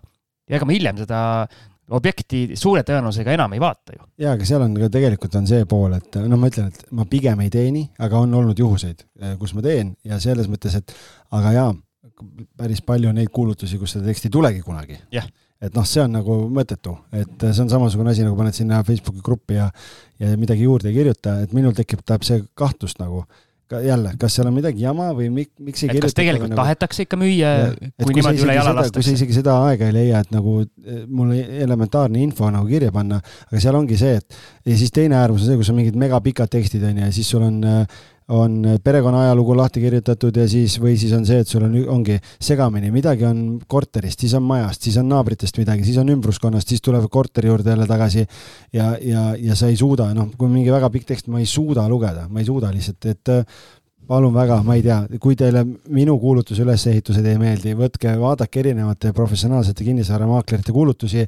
väga, enamusel on struktureeritud kuulutused, kus enamusel on üsna, üsna sarnane, mina hakkasin ka kunagi algis Libliku struktuuri kasutama, ma enam-vähem vist kasutan enam-vähem, eh, enam-vähem kaks korda nüüd tuli lausesse, vabandust, aga enam-vähem samasugust siiamaani. et, et see annab nagu hea ülevaate, et sul on eh, korteri kohta info, maja kohta info, kommunaalide kohta info, parkimise kohta info, ümbruskonna kohta info ja inimene saab kogu vajaliku info kätte, ta vaatab seda osa sektsiooni, mis teda huvitab, on ju, ja, ja et see annab päris, väga palju juurde. ja pane andmed registri põhjal, mitte mälu järgi. kas mitte enamus portaale ei tõmba äh, automaatselt? ja tõmbavad küll, aga, aga osad ikkagi panevad niimoodi, et noh, lähed korterit vaatama ja ütled, et kui ma vaatasin, et registris on umbes nelikümmend ruutu. on, on jah, kuuskümmend viis koma kolm, aga et teil on seal kuuskümmend seitse, ma ei mäletanud täpselt, noh, noh jah, et nagu, et enam-vähem et noh, et siis tegelikult on see, et kui, kui selle info põhjal läheb notarilepingusse midagi ja pärast selgub, et on nagu vale, siis sealt võib nagu paksu pahandust tulla, et, et selles, okei okay,, notarilepingud vormistatakse ka ehitusregistri ja kinnistusraamatu põhjal, aga kui notarilepingus pärast tuleb välja, et on kuuskümmend viis koma kolm ja, ja ostja ei ole nii teadlik ja, ja lähtub kuulutusest, ütleb, kuulge, aga müügikuulutuses oli kuuskümmend seitse, et äh, vii ennast kurssi korteriühistu plaanidega. osa omanikke ei osale, osale korteriühistu koosolekul, mina, ja ei tea majas toimuvast suurt midagi, aga ma tean. noh, sa oled võib-olla siis keskmisest nagu nii-öelda targem, et noh, mul on, see ei ole nagu väga, väga harv juhus, kus ma küsin korteriomaniku käest infot, on ju, et kuule, mis ühistul plaanis on, ma vaatan, et remondifond on null koma kaheksa, midagi on otsustatud, midagi hakatakse tegema, aga ma ei tea, et ma ei ole viitsinud seal ko koosolekutel käia, et et mind väga ei huvita ka, on ju. et noh, tegelikult see on nagu oluline. et kui ostja tuleb korterit vaatama, et sa ise teaksid, et kui sa ise osaled koosolekutel, noh, siis, siis on tore, siis sul on tõenäoliselt see info olemas aga noh, mina alati maaklerina helistan äh, ühistu esimehele ise või haldusfirmale ja uurin täpselt järgi, et need küsimused, mis mul on, on ju, et, äh, et aga noh, need, need küsimused, mida siis küsida, need on meil selles saates, kus me rääkisime kinnisvara ostmisest, et, et sealt tasub need nagu üles otsida, et ma praegu kõiki neid siin ei hakka uuesti ette lugema. ja nüüd veel üks äh, viimane kiire lumiorava paus tähelepanu kinnisvaraentusiastid! kinnisvaraturg on suvekuumusest taastunud ja nüüd on õige aeg oma kinnisvara raha teenima panna. hetkel on kinnisvara kahekümne neljas eriti suur nõudlus üürikate järele. Lisa oma pakkumine kuuekümneks päevaks Kinnisvara kakskümmend neli portaali, kasuta sooduskoodi kodu kolmkümmend ja naudi kolmekümneprotsendilist allahindlust. kinnisvara kakskümmend neli, kuuluta õiges kohas. ja algis veel rüüpab viimast lonksu lumioravat, aga kohe tuleb edasi rääkida, sest järgmine suurem punkt, objekti näitamine. ehk siis inimesed on su kuulutuse üles leidnud, see kuulutus meeldib neile, sa oled. hordid on ukse taga. ja sa oled läbinud esimese suurema, suurema tõkke, suur töö on tehtud ja veel suurem töö ootab ees. nüüd on vaja inimestele korter koha peal nii-öelda maha müüa. ehk siis, mida sarnasem näeb objekt. lokid pähe ja ah., ja kleidid selga leidid, mhm. mida sarnasem näeb objekt välja kuulutusele, seda parem nojah, selles mõttes, et vaata, kui sul on äh, pildistamise jaoks äh, hullult ette valmistatud ja kastid ühest toast teise ära tõstetud ja kõik on tipp-topp ja klient tuleb kohale ja vaatab, et okei okay,, et see korter nagu ei näe küll nii hea välja kui piltide peal, et noh, et kõige hullem tagasiside, mis sa võid saada, on see, et pildid on paremad kui päriselu et mina maaklerina üritan alati ikkagi igat objekti presenteerida niimoodi, et kui ma lähen kliendiga kohale näitama, et nad ütleks, et oo, et ja väga harva juhtub seda, et öeldakse, et ai, pildid olid paremad. et ma ei taha enda ja kliendi aega raisata, et, et see on nagu selles mõttes nagu oluline, et kui sul on piltide peal korda tehtud, et siis pese ikkagi nõud ära ja pane asjad ära ja tee nii palju korda, et noh, see on keerulisem siis, kui sul on üürnik korteris, on ju, just kala praadinud ja lähed ja noh, et siis või on just duši all käidud või kuskil tunned sihuke rõske, sihuke nii on seal korteris, et on mingid asjad, mille vastu võib-olla ei saa, on ju, eriti kui üürnik vastu töötab, aga kui sa, kui, kui normaalne üürnik on või korter on tühi, noh siis on selle võrra nagu lihtsam või kui sa ise sees elad, et äh, aga ütlen veel kord, osa hakkab siin nurisema selle koha pealt, aa no mis asja on ju, umbes kliendid käivad ja siis ma pean kogu aeg ja noh, mul on ka ju omanikud näevad, ma, ma ütlengi neile, et noh, et äh, kinnisvara müümine ei pea olema mugav et äh, see on oluline teha ära professionaalselt ja niimoodi, et sa saaksid maksimaalse raha sealt, et äh, ja, ja sellepärast peab pingutama. loo kodutund- ah,, ma enne kommenteerin, ma tegelikult seetõttu äh, olen saanud oma selle esimese Kehra flipi sain niimoodi, et piltide jaoks oli korter tehtud korda, koristatud ja, ja tehtud üsna viisakad pildid. Ja, ja kohal oli või tähendab, nii-öelda päris pilt oli siis see, et omanik oli selle hulluks koopaks teinud ja kõik äh, oli must ja räpane ja rõve ja vastik ja mööblit täis ja rämpsu täis ja ühesõnaga sealt kohe omanikule miinus kümme tuhat. kolmandik, kolmandik alla ja.. jah, nii et. nii ta on jah. aga järgmine punkt, loo kodutunnet, pane saiakesed ahju. noh, selles mõttes, et pane sai ahju. pane lilled lauale. pane sai ahju. jah et äh, ei, no seal on, need on vaata sellised, staging on selle moodne nimi või? jah, staging jah, et seal on nagu erinevaid asju, mida saab jälle teha, et äh, ma ei tea, noh, maaklerina paned kuskil mingi lõhnaküünla põlema või midagi, noh, eriti mingites korterites võib-olla, kus on, tunned, et on mingit sellist. paned maakleri põlema või et, äh, et, äh, et, et saad teha mingeid asju, aga mul noh, näiteks ma ei tea keegi teeb kohvi, keegi, keegi ja mul oli üks omanik, mina temaga seda ei kooskõlastanud ja mina seda ei öelnud, aga ta oli ise kuskilt uurinud ja lugenud ja värgid ja saad aru, iga kord, kui ma läksin korterit näitama. astud ukse sisse, saad aru, sihuke kaneelisaia lõhn, vaatad, saiakesed on ahjus, nad ise läksid kodunt ära, onju. Äh, aga noh, see ei olnud selle jaoks, ma ei serveerinud nagu klientidele, et nad ise sõid need pärast ära aga sa ei see- näpsanud sealt ei, ühte, ei ühte?, ma ükskord võtsin ühe ja siis oli ka niimoodi, said kohe ma, sõimata ma võtsin ühe, võtsin sealt ampsu ja siis hakkasin kingasid jalga panema ja unustasin sinna diivani peale ja siis helistasin kliendile, et kuule, ma jäin vahele, et ma võtsin ühe, ühe saiakese ja, ja unustasin selle. head varast sinust ei saa hiired on käinud, et ähm, aga see, need on väikesed asjad, vaata, aga see, astud sisse sihuke, oh, mõtled, nii hea lõhn, vaata, tekib mingi lapsepõlvest mingi mälestus või mingi positiivne emotsioon kohe, et need on väikesed asjad, mida tegelikult saab teha, et kui sul on valida, kas praadida kala või panna sa- kaneelisaiatahju, siis jäta see kala praadimata, et. no kala võiks igal juhul praadimata jätta. isegi kui sa elad seal sees ja ei plaani müüa. sest ülejäänud majal on äh, jah, no ka siis kala praadimise päev. kala peab sööma, oomegat on vaja ju. ahah, kas seda peab just praetud kujul tegema, see on iseasi. aga hommikul siis, homme hommikul algis äh, läheb number kolmkümmend kolm bussi peale, sõidab Nõmme turule, võtab värsked räimed ja hakkab kala praadima muna kodus. ja jahu ja värki Just. ja läheb. nii, aga järgmine punkt, pane tuled põlema, meil on kaheksa kuud pimedat aega. no see on selles mõttes oluline, kuigi see on jälle nii ja naa, et ma müün hetkel ühte korterit, kus on hästi suured aknad ja seal isegi, kui on selline pilvisem päev nagu täna on, siis ma, siis ma mõnikord jätan tuled kustu. Äh, ja ütlen, et ma teadlikult ei pannud tulesid põlema, et te näeksite, et, et kui palju loomulikku päevavalgust äh, selles korteris on.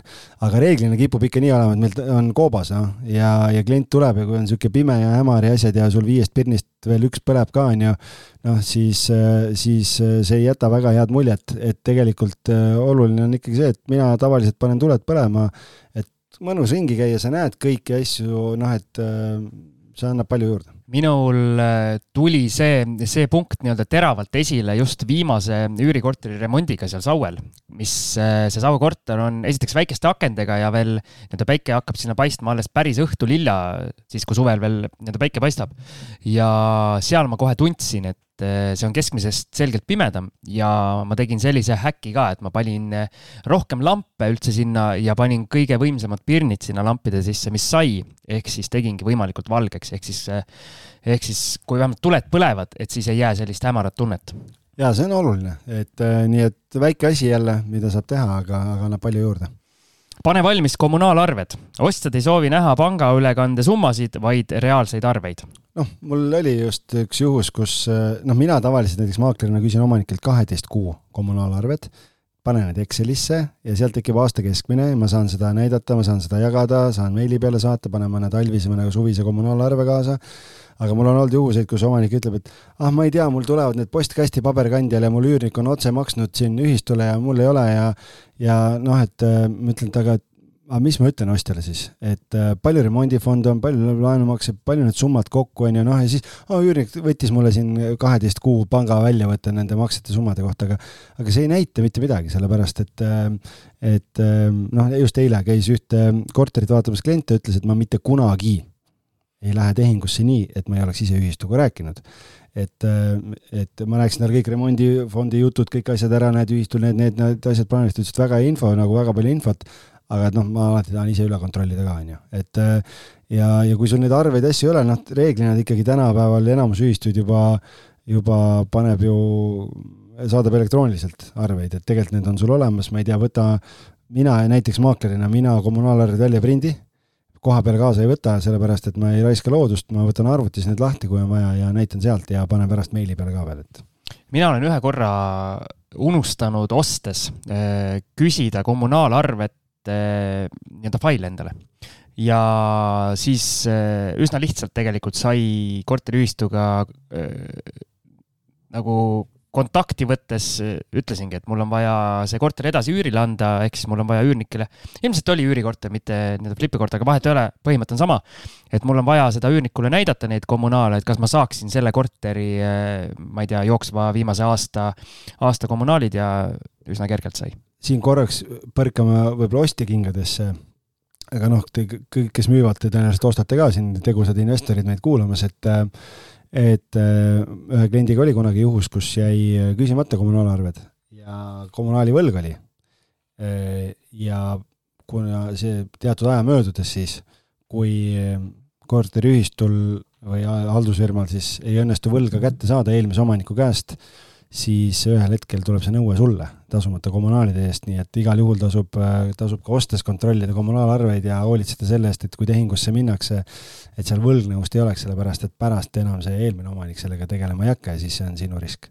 Ja mul oligi vist teema, et ma, ma nägin neid eh, nii-öelda, eh, müüja näitas mulle arvutis koha peal neid, ehk siis ma nägin, et võlga ei olnud tol hetkel ja, ja vist äkki saadeti mulle ka mingi üks, üks viimane, viimane kommunaalide või mis iganes.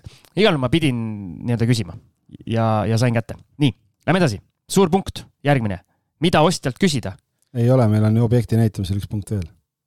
ah jaa, ai igale kliendile eraldi aeg, mitte kõik korraga. turvalisus ja põhjalikkus annab võimaluse ostjaga suhelda, aga nii ei teki ju seda kuulsat äh, FOMO-t. tekib ikka.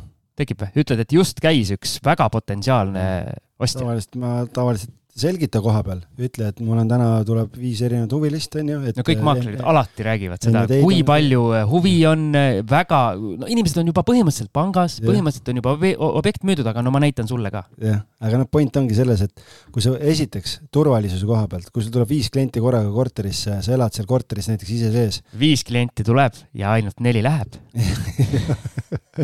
üks jääb, vaata, kus kes meil käis külas siin Äh, ütles, et näed, läksin Liina Pulgas või, äh, käis korterit vaatamas ja sai mehe ka, ka, onju. noh, et äh, võib ka nii minna, aga, aga point on selles, et, et kui sa viis klienti tuleb ja sa ise elad sees või sul üürnik elab sees näiteks, kuidas sa tagad selle, et keegi midagi ära ei varasta?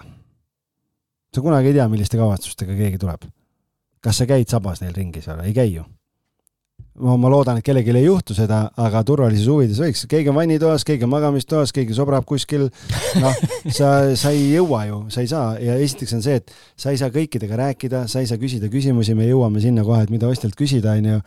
et, et ja, ja sellepärast ka, et on äh, põhjalikkus, sa saad ostjale ära rääkida kõik olulise, mida tal on oluline teada selle korteri kohta, muidu on niimoodi, et üks küsib midagi, teine küsib midagi ja lõpuks minnakse ära, lähed koju, ostja läheb koju, mõtleb, et noh, okei okay,, noh, oli küll palju inimesi, aga kurat, nagu päris täpselt nagu infot ei saanud, on ju, ja, ja jääb selline mulje, et äh, seda FOMO saab nagu muud moodi ka tekitada, et, äh, et sa ei pea tervet äh, või noh, või Karin Vinkeli moodi võib ka teha, et kakskümmend viis inimest seisab tänava peal ja ootavad, et saaks järjest nagu, aga see oli vist üüri puhul, et et aga, aga mina ikkagi pean õigeks, eriti veel mõeldes selle peale, et viimased paar aastat siin Covidi aastatel, noh, ei ole mõistlik kõiki ühte tuppa lasta korraga. kas nüüd võib siis edasi minna, jah? mida ostjalt küsida? esimene küsimus, mis äh, algis soovitab, on, miks just äh, sinu kodu neile silma jäi? Noh, see on lihtsalt äh, vaata vestluse arendamine, et üks on see, et sa räägid äh, ära, mina soovitan, mina ka tavaliselt, kui, kui klient tuleb minu korterit vaatama, siis ma alati ütlen, et mul on ettepanek, et ma näitan teile ära, ma räägin ära kõik, mis on oluline teada ja kui siis on soovi, noh, siis te saate veel omal käel nagu ka ringi vaadata, arutada, on ju aga et siis ongi see, et üks asi on see, et sa räägid talle korteri osa ära, aga teine osa, teine pool on ju nagu oluline aru saada ka, et kui Mati Mustamäelt müüb oma kolmetoalist korterit ja siis äh, tuleb äh, õhetavate põskedega Siim Vaidast tuleb seda korterit vaatama, et siis on nagu aru, aru saada, et miks Siim tuli ja miks ta põsed õhetavad, on ju. et, et mis talle silma jäi selle korteri puhul. Siim tuli äh, joostes. Siim tuli sellepärast, et vaatas, et et äh, saab mugavusflippi teha ja põsed õhetavad, et äkki jääb ilma. loeb juba raha, mis pärast teenib aga Matil on teised plaanid, sest Mati küsib veel Siimu käest, et äh, Siim, mis äh, minu kodu puhul sinu ja, või uue kodu puhul sinu jaoks kõige ol olulisemad kriteeriumid on? noh, see võib tunduda imelik nagu noh, küsida võib-olla omanikuna on ju, et noh, mis kõige olulisem on, aga see selles mõttes ähm, on natukene na,, natukene annab äh,, annab nagu seda poolt, et äh, et lihtsalt aru saada, et kui väga see korter talle sobib, eh, sellepärast et eh, sul müüjana on ka oluline aru saada sellest, kui motiveeritud ostja on, et kui väga talle see korter nagu meeldib, sellepärast et eh, kui pärast läheb kauplemiseks näiteks või tehakse mingi pakkumine või asjad ja sa tead, ütled, et aa, tal oli see, see oluline või nägid, et ma ei tea, seal naispool ütles koha peal mehele mingi kommentaari seal on ju, et tegelikult talle nagu hullult meeldib, aga noh, koha peal näidatakse nagu on kivinägu, et siis sa tegelikult nende küsimuste abil peaksid nagu aru saama sellest, et et kui tugev positsioon teisel poolel läbirääkimistel on, et kui nad väga-väga tahavad, siis sa tead, et võib-olla ei peaks nii palju hinnas järgi andma, sest nad nagunii ostavad siis küsida, kas senine kodu on müüdud ja ma panen siia tegelikult kohe otsa ka, et kas pangalt on positiivne vastus olemas? jah, sellepärast, et noh, nagu ma ütlesin, et täna kuidagi inimesed käivad vaatamas äh, ja pole, pole veel oma kodu müümisega alustanud, äh, pole pangas käinud ja tegelikult noh, see sul ei ole selle kliendiga enam midagi pihta hakata, sellepärast et tõenäoliselt võib-olla ta ei saa laenu ja, ja nad tõenäoliselt hindavad oma kodu müümise aega üle ehk et kui täna keegi pole veel oma kodu müümisega alustanud, siis see ei ole nädalate küsimus, vaid pigem kuude küsimus. ja siis sa saad panna selle sellesse perspektiivi, et noh, et äh, kui kiiresti sul endal on vaja müüa, et, et tõenäoliselt nendega, isegi kui nad pakkumise teevad, sul ei ole nendega midagi arvestada või, või pole mõtet ka nendega broneerimislepingut teha, sellepärast et et seal on see risk on liiga suur lihtsalt. aga mida küsida, kui ei tule mitte koduotsija, vaid tuleb investor? Äh, kui Siim ütleb mulle ja et ei, ma tulin vaatama selleks, et ma tahan välja üürida, et ma ostan investeerimiskorterit, on ju, et siis äh, noh, siis tegelikult äh, sa saad sealt jälle selle informatsiooni kätte, et inform-, kõik Eesti kinnisvarainvestorid on vähemalt korra elus kuulanud kinnisvarajutte ja nad teavad, et ostes teenitakse raha siis sa tead, et okei okay,, sealt nüüd tullakse kirvega, on ju, et et siis tead nagu valmis olla selleks, et milline see positsioon on ja, ja mida temaga rääkida, et äh, ega muus osas sul omanikuna võib-olla väga palju infot nagu pihta hakata sellega ei ole, et, äh, et et kas siin no samas, kui sa oled teadlik omanik, sa võid hakata selle investoriga selles osas koos plaani pidama, et jah, et võib-olla mida, nii-öelda mida siin võiks teha ja niimoodi hakata või no nagu, jaa, võtame näiteks, et nagu Mati, Mati, Mati müüb ühte investeerimiskorterit ja. ja siis sa saadki öelda, et jaa, jaa, mul oli siin praegu üürnik on sees, ma ei tea, kuuesaja euroga siin on ju, noh, ja kohe või ma ei tea, küsid, et okei okay,, et mis te arvate, palju selle korteri üür on, on ju, kui ta ütleb, et noh, viissada viiskümmend on ju, siis ütled, no mul on tegelikult kuuesajaga üürnik sees et siis see on kohe Siimu jaoks nagu väga hea argument, äh, sellepärast et ta vaatab, et ohoh, et kuule, mul Excel läks kohe palju paremaks. et äh, selles osas küll, et sõltub, kui teadlik omanik sa oled, äh, siis jaa, mina kohe, nii kui keegi ütleb, et ta investeerimiseks ostab, ma hakkan alati kaasa mõtlema, arvutama kohe, et, et aitab, aitab kaasa. hakkad, hakkad teiste raha lugema? kohe aga tead, ma panin ühe asja kirja, mis mul siin praegu mõttesse tuli sult küsida, aga ma küsin kohe ära, see, ma arvan, sobib siia päris hästi.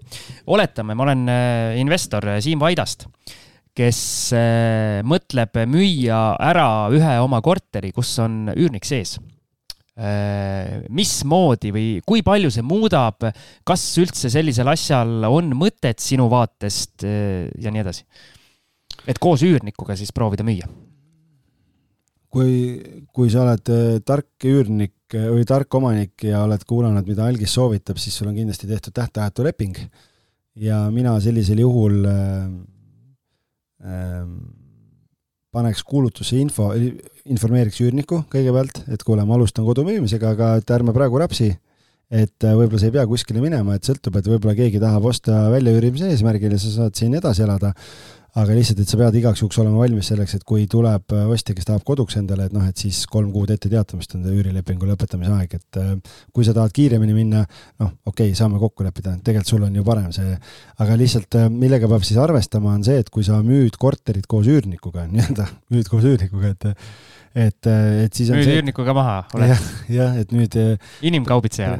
jah et siis on, seal on nagu see oht, et äh, noh, üks variant on see, et äkki peaks üürilepingu ära lõpetama, et siis kui ma müüma hakkan, noh et selleks ajaks, kui ma müüdud saan, siis üürnik kolib ka välja, sest kui keegi tuleb ostma korterit ja ta tahab endale koduks, aga tal on kuu aja pärast vaja ja sul on üürnik sees ja ta läheb kolme kuu pärast ära, siis see võib tehingule takistuseks saada.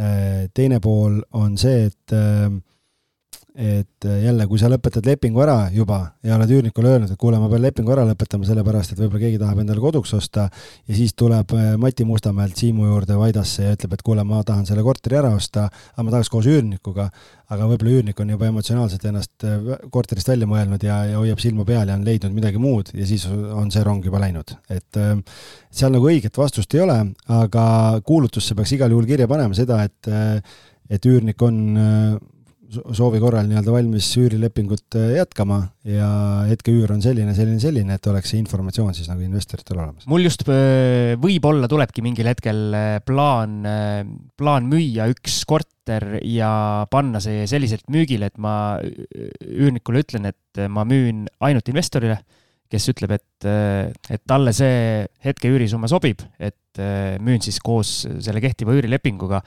et võib-olla ma proovin selle mingi hetk ära. nojah, ja siis saamegi rääkida pärast, et Just. kuidas siis läks sellega. just. aga lähme siis edasi, suur järgmine plokk, tehinguni jõudmine. oh super ju, see on juba hea koht ju. on või? no, sul on ostja olemas? no muidugi. jah, jah. kaneelisaiad on oma töö ära teinud. kaneelisaiad on kõhus ja ostjaga on vaja nüüd eh, kokku leppida, kas sõlmida broneerimisleping või mitte. no kas sina sõlmid? Eh, on olnud nii ja naa. me Mhm. oleme broneerimislepingust kui sellisest ühe boonusosa teinud, Mhm. et mis seal peab olema, mis seal ei tohi olla ja mismoodi see ei kehti ja mismoodi see justkui võiks kehtida. meil Patreoni toetajatel on see saadaval. just, et seal üsna palju ikkagi vist, ma saan aru, turul toimub asju, mis ei ole päris nagu õiged siis, ütleme nii. jah, et noh, lühidalt öeldes lihtsalt, et mm, broneerimisleping, mina soovitan teha broneerimislepingu sellisel juhul, kui ostjal on pangas käidud ja tal on positiivne vastus olemas, muidu ma ei teeks, sellepärast et see ei anna sulle mingit kindlust. broneerimislepingul on nii-öelda kaks erinevat vormi siis, turul kõige levinum äh, vorm on lihtkirjalik broneerimisleping ja äh, ma praegu siin seda kahekümne minutilist boonusosa ümber rääkima ei hakka. seal vist on see, et see broneerimisleping äh, selle nimetamiseks on juba ebaõige. noh, selles mõttes ta tegelikult. ta on nagu müügi peatamise leping. jah, ta on müügi peatamise leping, et see pealkiri iseenesest ei ole vale, et sisu äh, loeb ikkagi ka. aga point on selles, et selle broneerimislepingu sisu peaks siis olema see, et ostja maksab sulle maksab sulle broneerimistasu selle eest, et sina peataksid müügi ja kui tema siis kokkulepitud ajal, mis tavapärane praktika on kuu aega, tehingusse ei tule, siis see broneerimistasu talle tagastamisele ei kuulu, sest see on müügi peatamise kompensatsioon. ja teistpidi on see, et kui sina siis teed mingit jama ja müüd selle korteri hoopis kellelegi ära, et tuleb kolmas inimene ja lööb rahapakiga pikali ja pakub sulle viis tuhat rohkem ja sa vaatad, oo, ma sain bronnitasu kolm tuhat, et ma müün hoopis talle ära.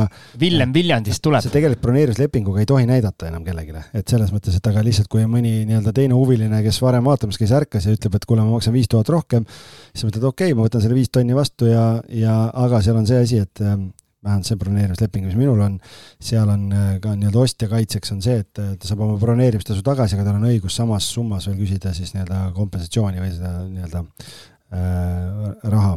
et, et mina soovitan alati teha broneerimislepingu, see annab mõlemale osapoolele kindluse, ostja saab hakata tegelema sellega, et ta tellib hindamisakti ära, saadab pangale dokumendid ära või selle hindamisakti ära, komitee koguneb, notari aeg, kõik need asjad, et mõlemal poolel on nagu, kui sa ei arvad, et see ei ole vettpidav või see ei ole piisavalt tugev kuidagi, siis teine võimalus on teha võlaõigusliku lepinguga broneerimisleping.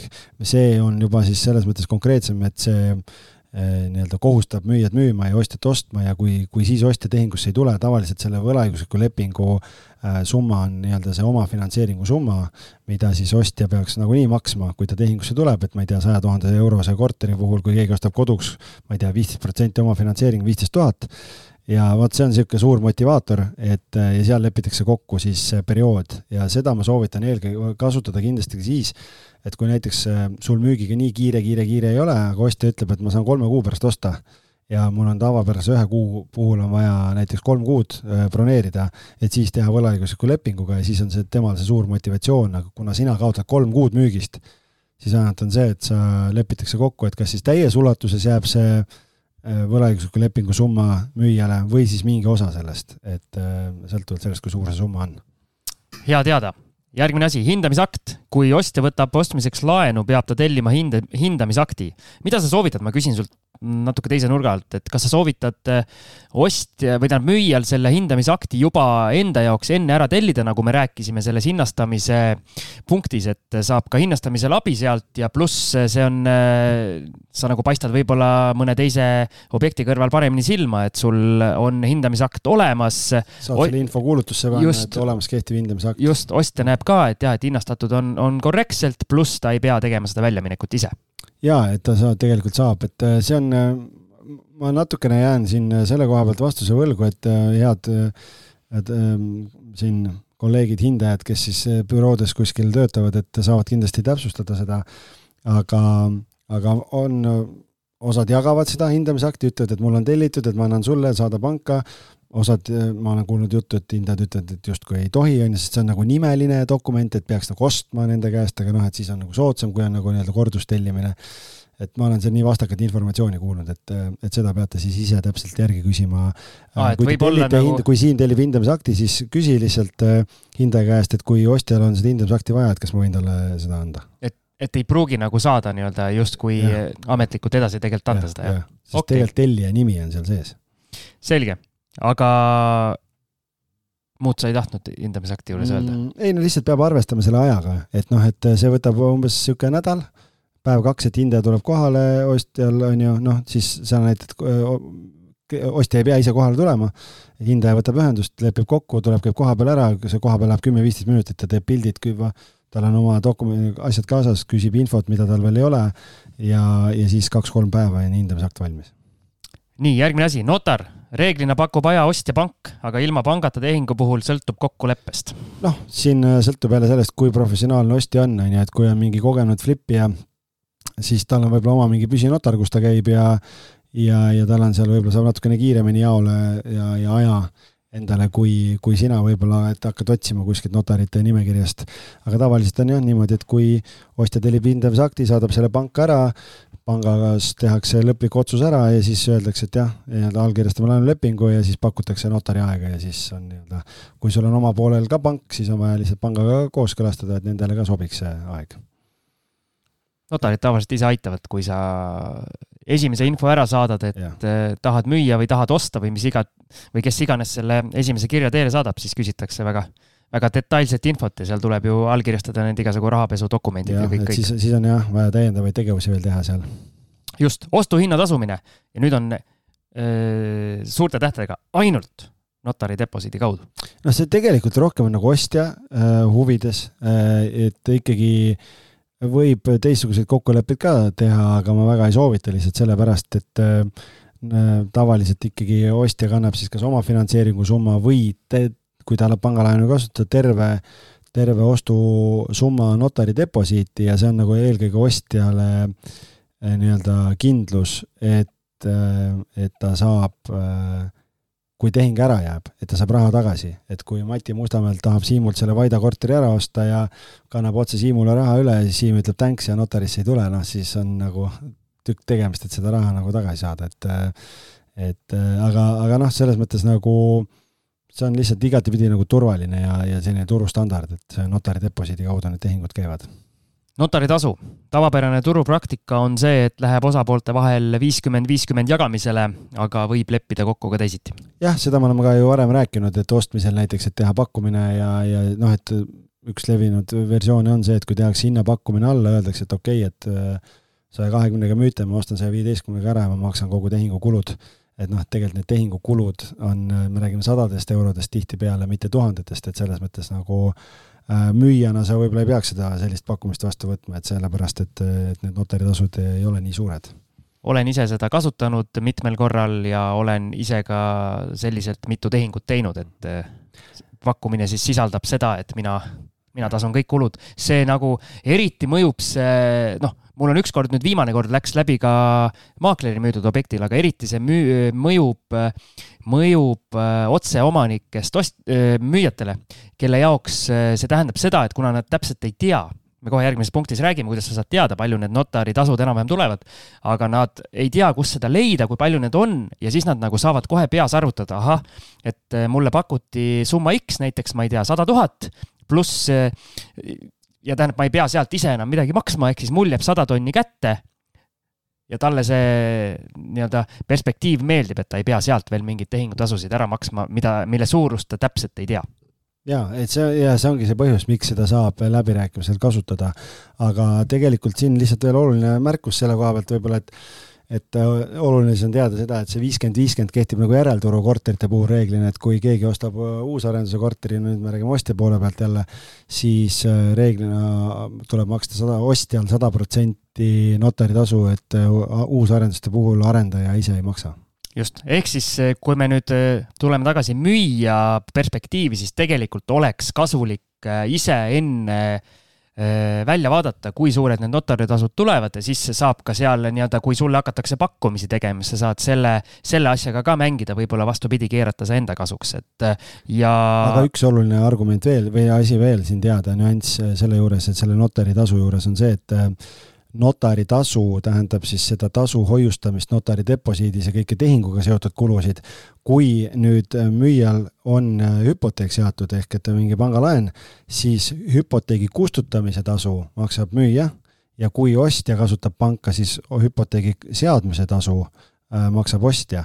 ja, ja kui pankadel on, kui on võimalik, siis pangad tihtipeale valivad nagu soodsama versiooni ostja jaoks, ehk et hüpoteek antakse üle nii-öelda ühelt pangalt teisele antakse üle ja see on nagu kõige soodsam variant, aga no ma ütlengi, et need, need tasud kõik kujunevad ära ja seda, kust sa seda teada saad, see, see ongi siis juba järgmine punkt meil. ja, ja, ja riigilõiv ka ja riigilõivu tasub reeglina ostja, kuna see on tema huvides, sest ilma riigilõivu tasumiseta seda, seda ümberkannet vist ei tehta, eks. kinnistusraamatusse omanikuna enda nime sissesaamiseks on vaja riigilõiv ära tasuda ja minu meelest notarid alati toonitavad seda, seda, et nad ei taha enne väga liigutada ka rahasid, kui see riigilõiv on makstud. just. nii, ja kui suur on notaritasu, seda saab siis Google'ist otsides üsna kergelt kätte pane otsingusse notaritasu kalkulaator, sinna paned tehingusumma sisse ja näed seda kulu. sa paned tehingusumma sinna, sa saad panna laenusumma sinna ja siis ta näitab sulle ära notaritasu, see notaritasu jaga siis kahega lihtsalt, sest seal ta näitab kogu seda notaritasu. ilma hüpoteekide infota, see on puhtalt ainult notaritasu. just, aga kust seda hüpoteekide tasu saab, saab teada? Seda vist kuskil kalk-, kalkulaatorist niimoodi välja ei tulegi. see vist aga, väga. need on mõned sajad eurod, need ei, sõltub muidugi, kui me räägime mingitest miljonitest siin, siis on teine asi, aga tavaliste Mustamäe korterite asjade puhul need ei ole väga, väga suured. ja, ja pluss siis, kui sa oled Mati Mustamäelt, äh, elad aastast tuhat üheksasada seitsekümmend ja tahad kogu seda notarilepingut paberil saada, siis see ka eraldi maksab. jah. aga Siim Vaidast äh, sellise probleemi otsa ei äh, põrka õnneks. nii riigilõiv ongi meil järgmine punkt, ehk siis sa oled selle tegelikult kirja ka pannud, mis me just mhm. juba ära rääkisime, see jääb ostja kanda, sest tema huvi on saada oma nimi omanikuna kinnistusraamatusse. Lähme edasi, millist tehingut teha? Kas minna büroosse kohale või teha kaugtõestusega. olemas on veel ka hübriidvariant, kus osa inimestest on siis eh, veebi teel ja osa on kohapeal. ja siinkohal ma tahan su käest küsida, kui turul tegutsevalt praktikult, kui palju neid, eh, kas siis hübriide või siis kaugtõestuse tehinguid ikkagi nässu läheb? ühtegi pole läinud. sul ei ole ühtegi läinud? siiamaani on kõik toiminud aa, ma ikkagi aeg-ajalt kuulen siin eh, tuttavatelt või kelleltki, et jälle keegi ei leidnud oma mingeid koode üles õigel ajal, keegi tegi mingi muu jama, kellelgi ei olnud internetti piisavalt. mul on endal ka üks, üks selline tehing olnud, kus minu kuulus kompanjon Heiki, kui me ostsime seda Jüri korterit, tema pidi ka notaris olema ja ta ja ta tegi seda kuskilt, ma ei mäleta, kas Istanbuli lennujaamast või kuskilt lennujaamast ühesõnaga ja seal oli netiga väga nagu kitsas käes. ja ta kadus äh, paar korda nagu sealt tehingust ära, aga õnneks me saime ikkagi tehtud. Ja, et sellega alguses, kui see Covidi ajal tuli, see kaugtõestusega tehingu formaat, siis ta oli nagu sihuke hästi range, no umbes, et noh, et kui ühendus ära katkeb, et noh, et siis me peame, ma ei tea, see on, ei saa edasi liikuda, peame ootama ja siis ühesõnaga, aga praegu on ikkagi niimoodi, et noh, mul oli ka eelmine nädal oli üks või üle-eelmine nädal oli üks tehing Äh, võlaõigusliku lepingu tegime seal äh, kaugtõestusega ja, ja mul oli ka, ma olin kohvikus ise, lihtsalt ühelt kohtumiselt jooksin teisele ja siis jube kehva netiühendus oli seal ja lülitasin oma hotspoti peale ümber ja siis mul katkes ühendus korra ära kohe oled hetkega oled sees tagasi, et see on ka läinud palju paremaks. aga oluline on ja see, et kui te otsustate teha kaugtööstusega tehingut, et siis kindlasti see oluline teada, et Smart ID-ga allkirjastada ei saa, et allkirjastada saab ainult ID-kaardiga või mobiil-ID-ga. ehk et ja, ja alati on siis mõistlik vähemalt, ma ei tea, pool tundi enne hakata juba proovima seal, sellepärast et kõigepealt esimesel korral tehingut tehes või noh, tegelikult see on iga kord, on vaja oma isik eh, tuvastada Veriffi kaudu seal kõigepealt näotuvastus, siis dokumendiga nii-öelda kinnitatakse üle see veel ja siis eh, saad kontrollida oma internetiühendused ja asjad kõik ära, et kõik toimiks ja, ja siis saad olla nii-öelda valmis, et kui notar alustab seda tehingut mina eelistan endiselt kohal käimist, kuna see on vähe sellisem nii-öelda pidulikum moment, saab notariga võib-olla mingeid teisi huvitavaid küsimusi ka arutada, saab, saab omanikega mingeid huvitavaid jutte Sina rääkida. tasuta veel... konsultatsiooni saad selle. ja pluss ja tegelikult päris palju infot on omanikud, kes müüvad, nõus andma, vaata, kui sa näiteks ostad maakleri kaudu ja sa näed omanikku reaalselt võib-olla esimest korda notaris, siis tegelikult äh, sa saad äh, üsna palju veel küsida sealt informatsiooni, sest kui seda notari kokkusaamise aega oodatakse seal, siis tavaliselt kuna need pinged on maas, tehing on justkui tehtud, kõik on kokku lepitud, siis omanikud on päris, päris valmis nagu nii-öelda avalikult rääkima igasugustest asjadest. ja ei, selles mõttes äh, mulle meeldib ka kohapeal käia, sellepärast et siis saab pärast õnne ka soovida, noh, mitte et virtuaalselt ei saaks, aga. ja saab pastaka ka ja... võtta notari sealt büroost. saab käe pihku panna ja mingi kingituse ka anda, et äh, mulle selles mõttes meeldib. maaklerid jagavad jah, aeg-ajalt jagavad kingitusi. mis teie firma kingitus on? mina kingin tähistamiseks midagi. ühe karukalli, karusekalli. kas, kas midagi mulliga või ilma, aga, aga et saaks tähistada. aga kas sa kalli ka teed? Äh, sõltub äh, kliendist. Noh, Mati Mustamäelt? Matit Mustamäelt võib-olla ei kallistama ei kipu, aga käe pistan pihku ikka. no siis Mati läheb mujale. okei ja lepingusse, notarilepingusse siis äh, tuleks panna detailne nimekiri asjadest, mis korterisse jäävad.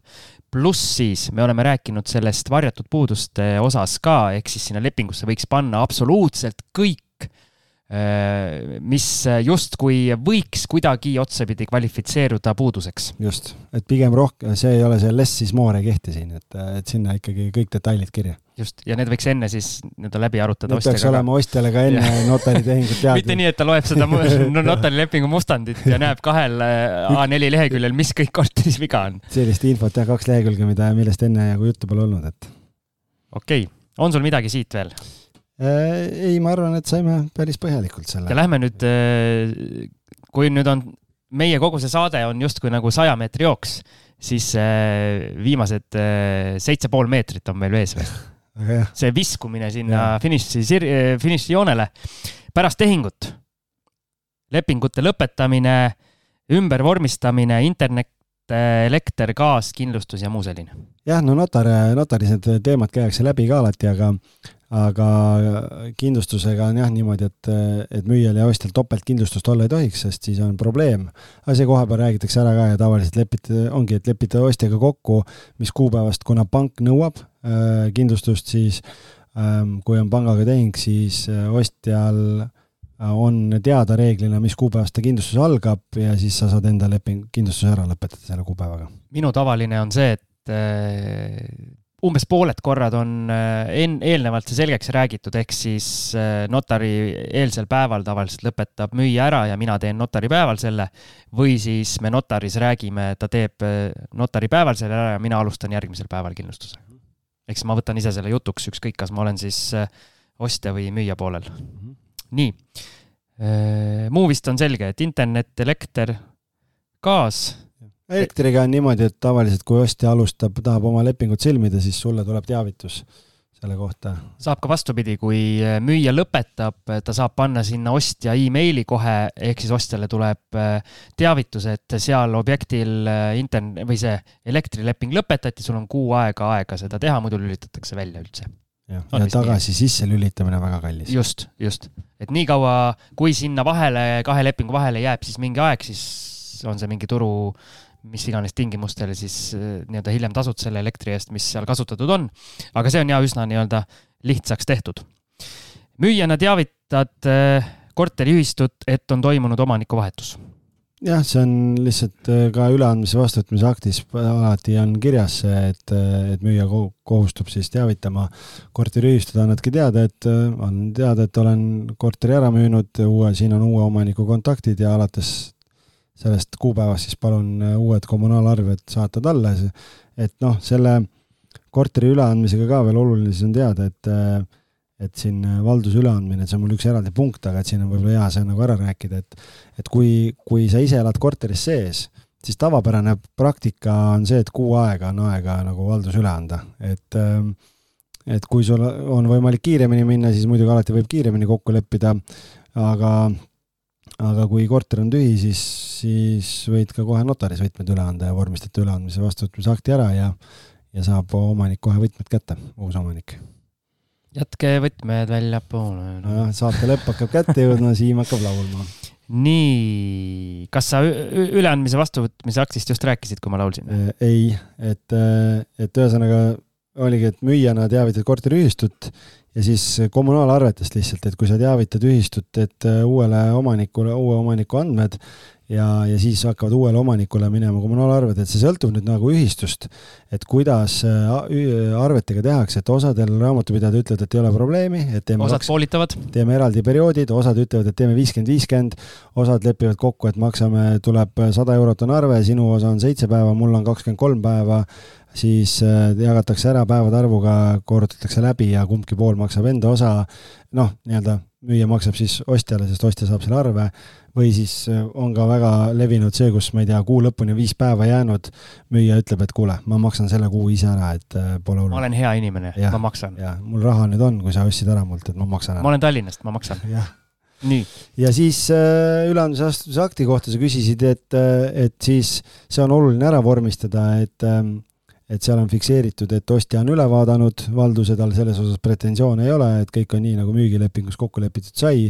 sinna lähevad äh, näidud kirja, sinna läheb info võtmete kohta, sinna läheb info selle kohta, et müüja teavitab ost- äh, seda korteriühistut ja ja, ja seal on siis ka nimekiri asjadest, mis korterisse sisse jäävad, mis olid juba notarilepingus ka tegelikult olemas, nii et ähm, et see on ühel A4-l selline dokument. ja siis kõige tähtsam punkt, lööte sellel algise antud mullil äh, korgi pealt ära ja lähete koos tähistama. juhei, noh, ma ei tea, kas koos tähistama. võite ka eraldi minna, aga kuna jah. kumbki saab oma mulli, siis Aa. kumbki saab omaette tähistada, et. eraldi mullid lausa või? no ikka. siis ei peagi, nojah, siis valid, kellega tähistad. ega ei pea ka nagu Veel kahe, kahe peale seda pudelit jagama, vaid, vaid kumbki võib oma pudeli ära tähistada. just, ja kindlasti notari seal äh, siis ärge unustage pastakat võtta. jah, aga noh, vaata, kui sa ise müüd korterit, ma ei tea, kas sina annad öö, ostjatele kingitusi, tõenäoliselt mitte, aga noh, maakler reeglina toob kingitusi, et siis. ostke maakleritelt. aga kui sa oled eduka müügitehingu ära teinud, siis tähistada võib ikka. nii, meil on kõik. aega läks äh, ainult äh, tund nelikümmend viis. Vau, vabandust, et nagu vabandust, et teie aega raiskasime nii kaua. põhjalik teema, vaata, et noh, kaevasin endale auku praegu, et nüüd kõik on nii professionaalsed müüjad, et nüüd enam ükski klient äh, ükski klient ühendust ei võta enam. septembris töötu.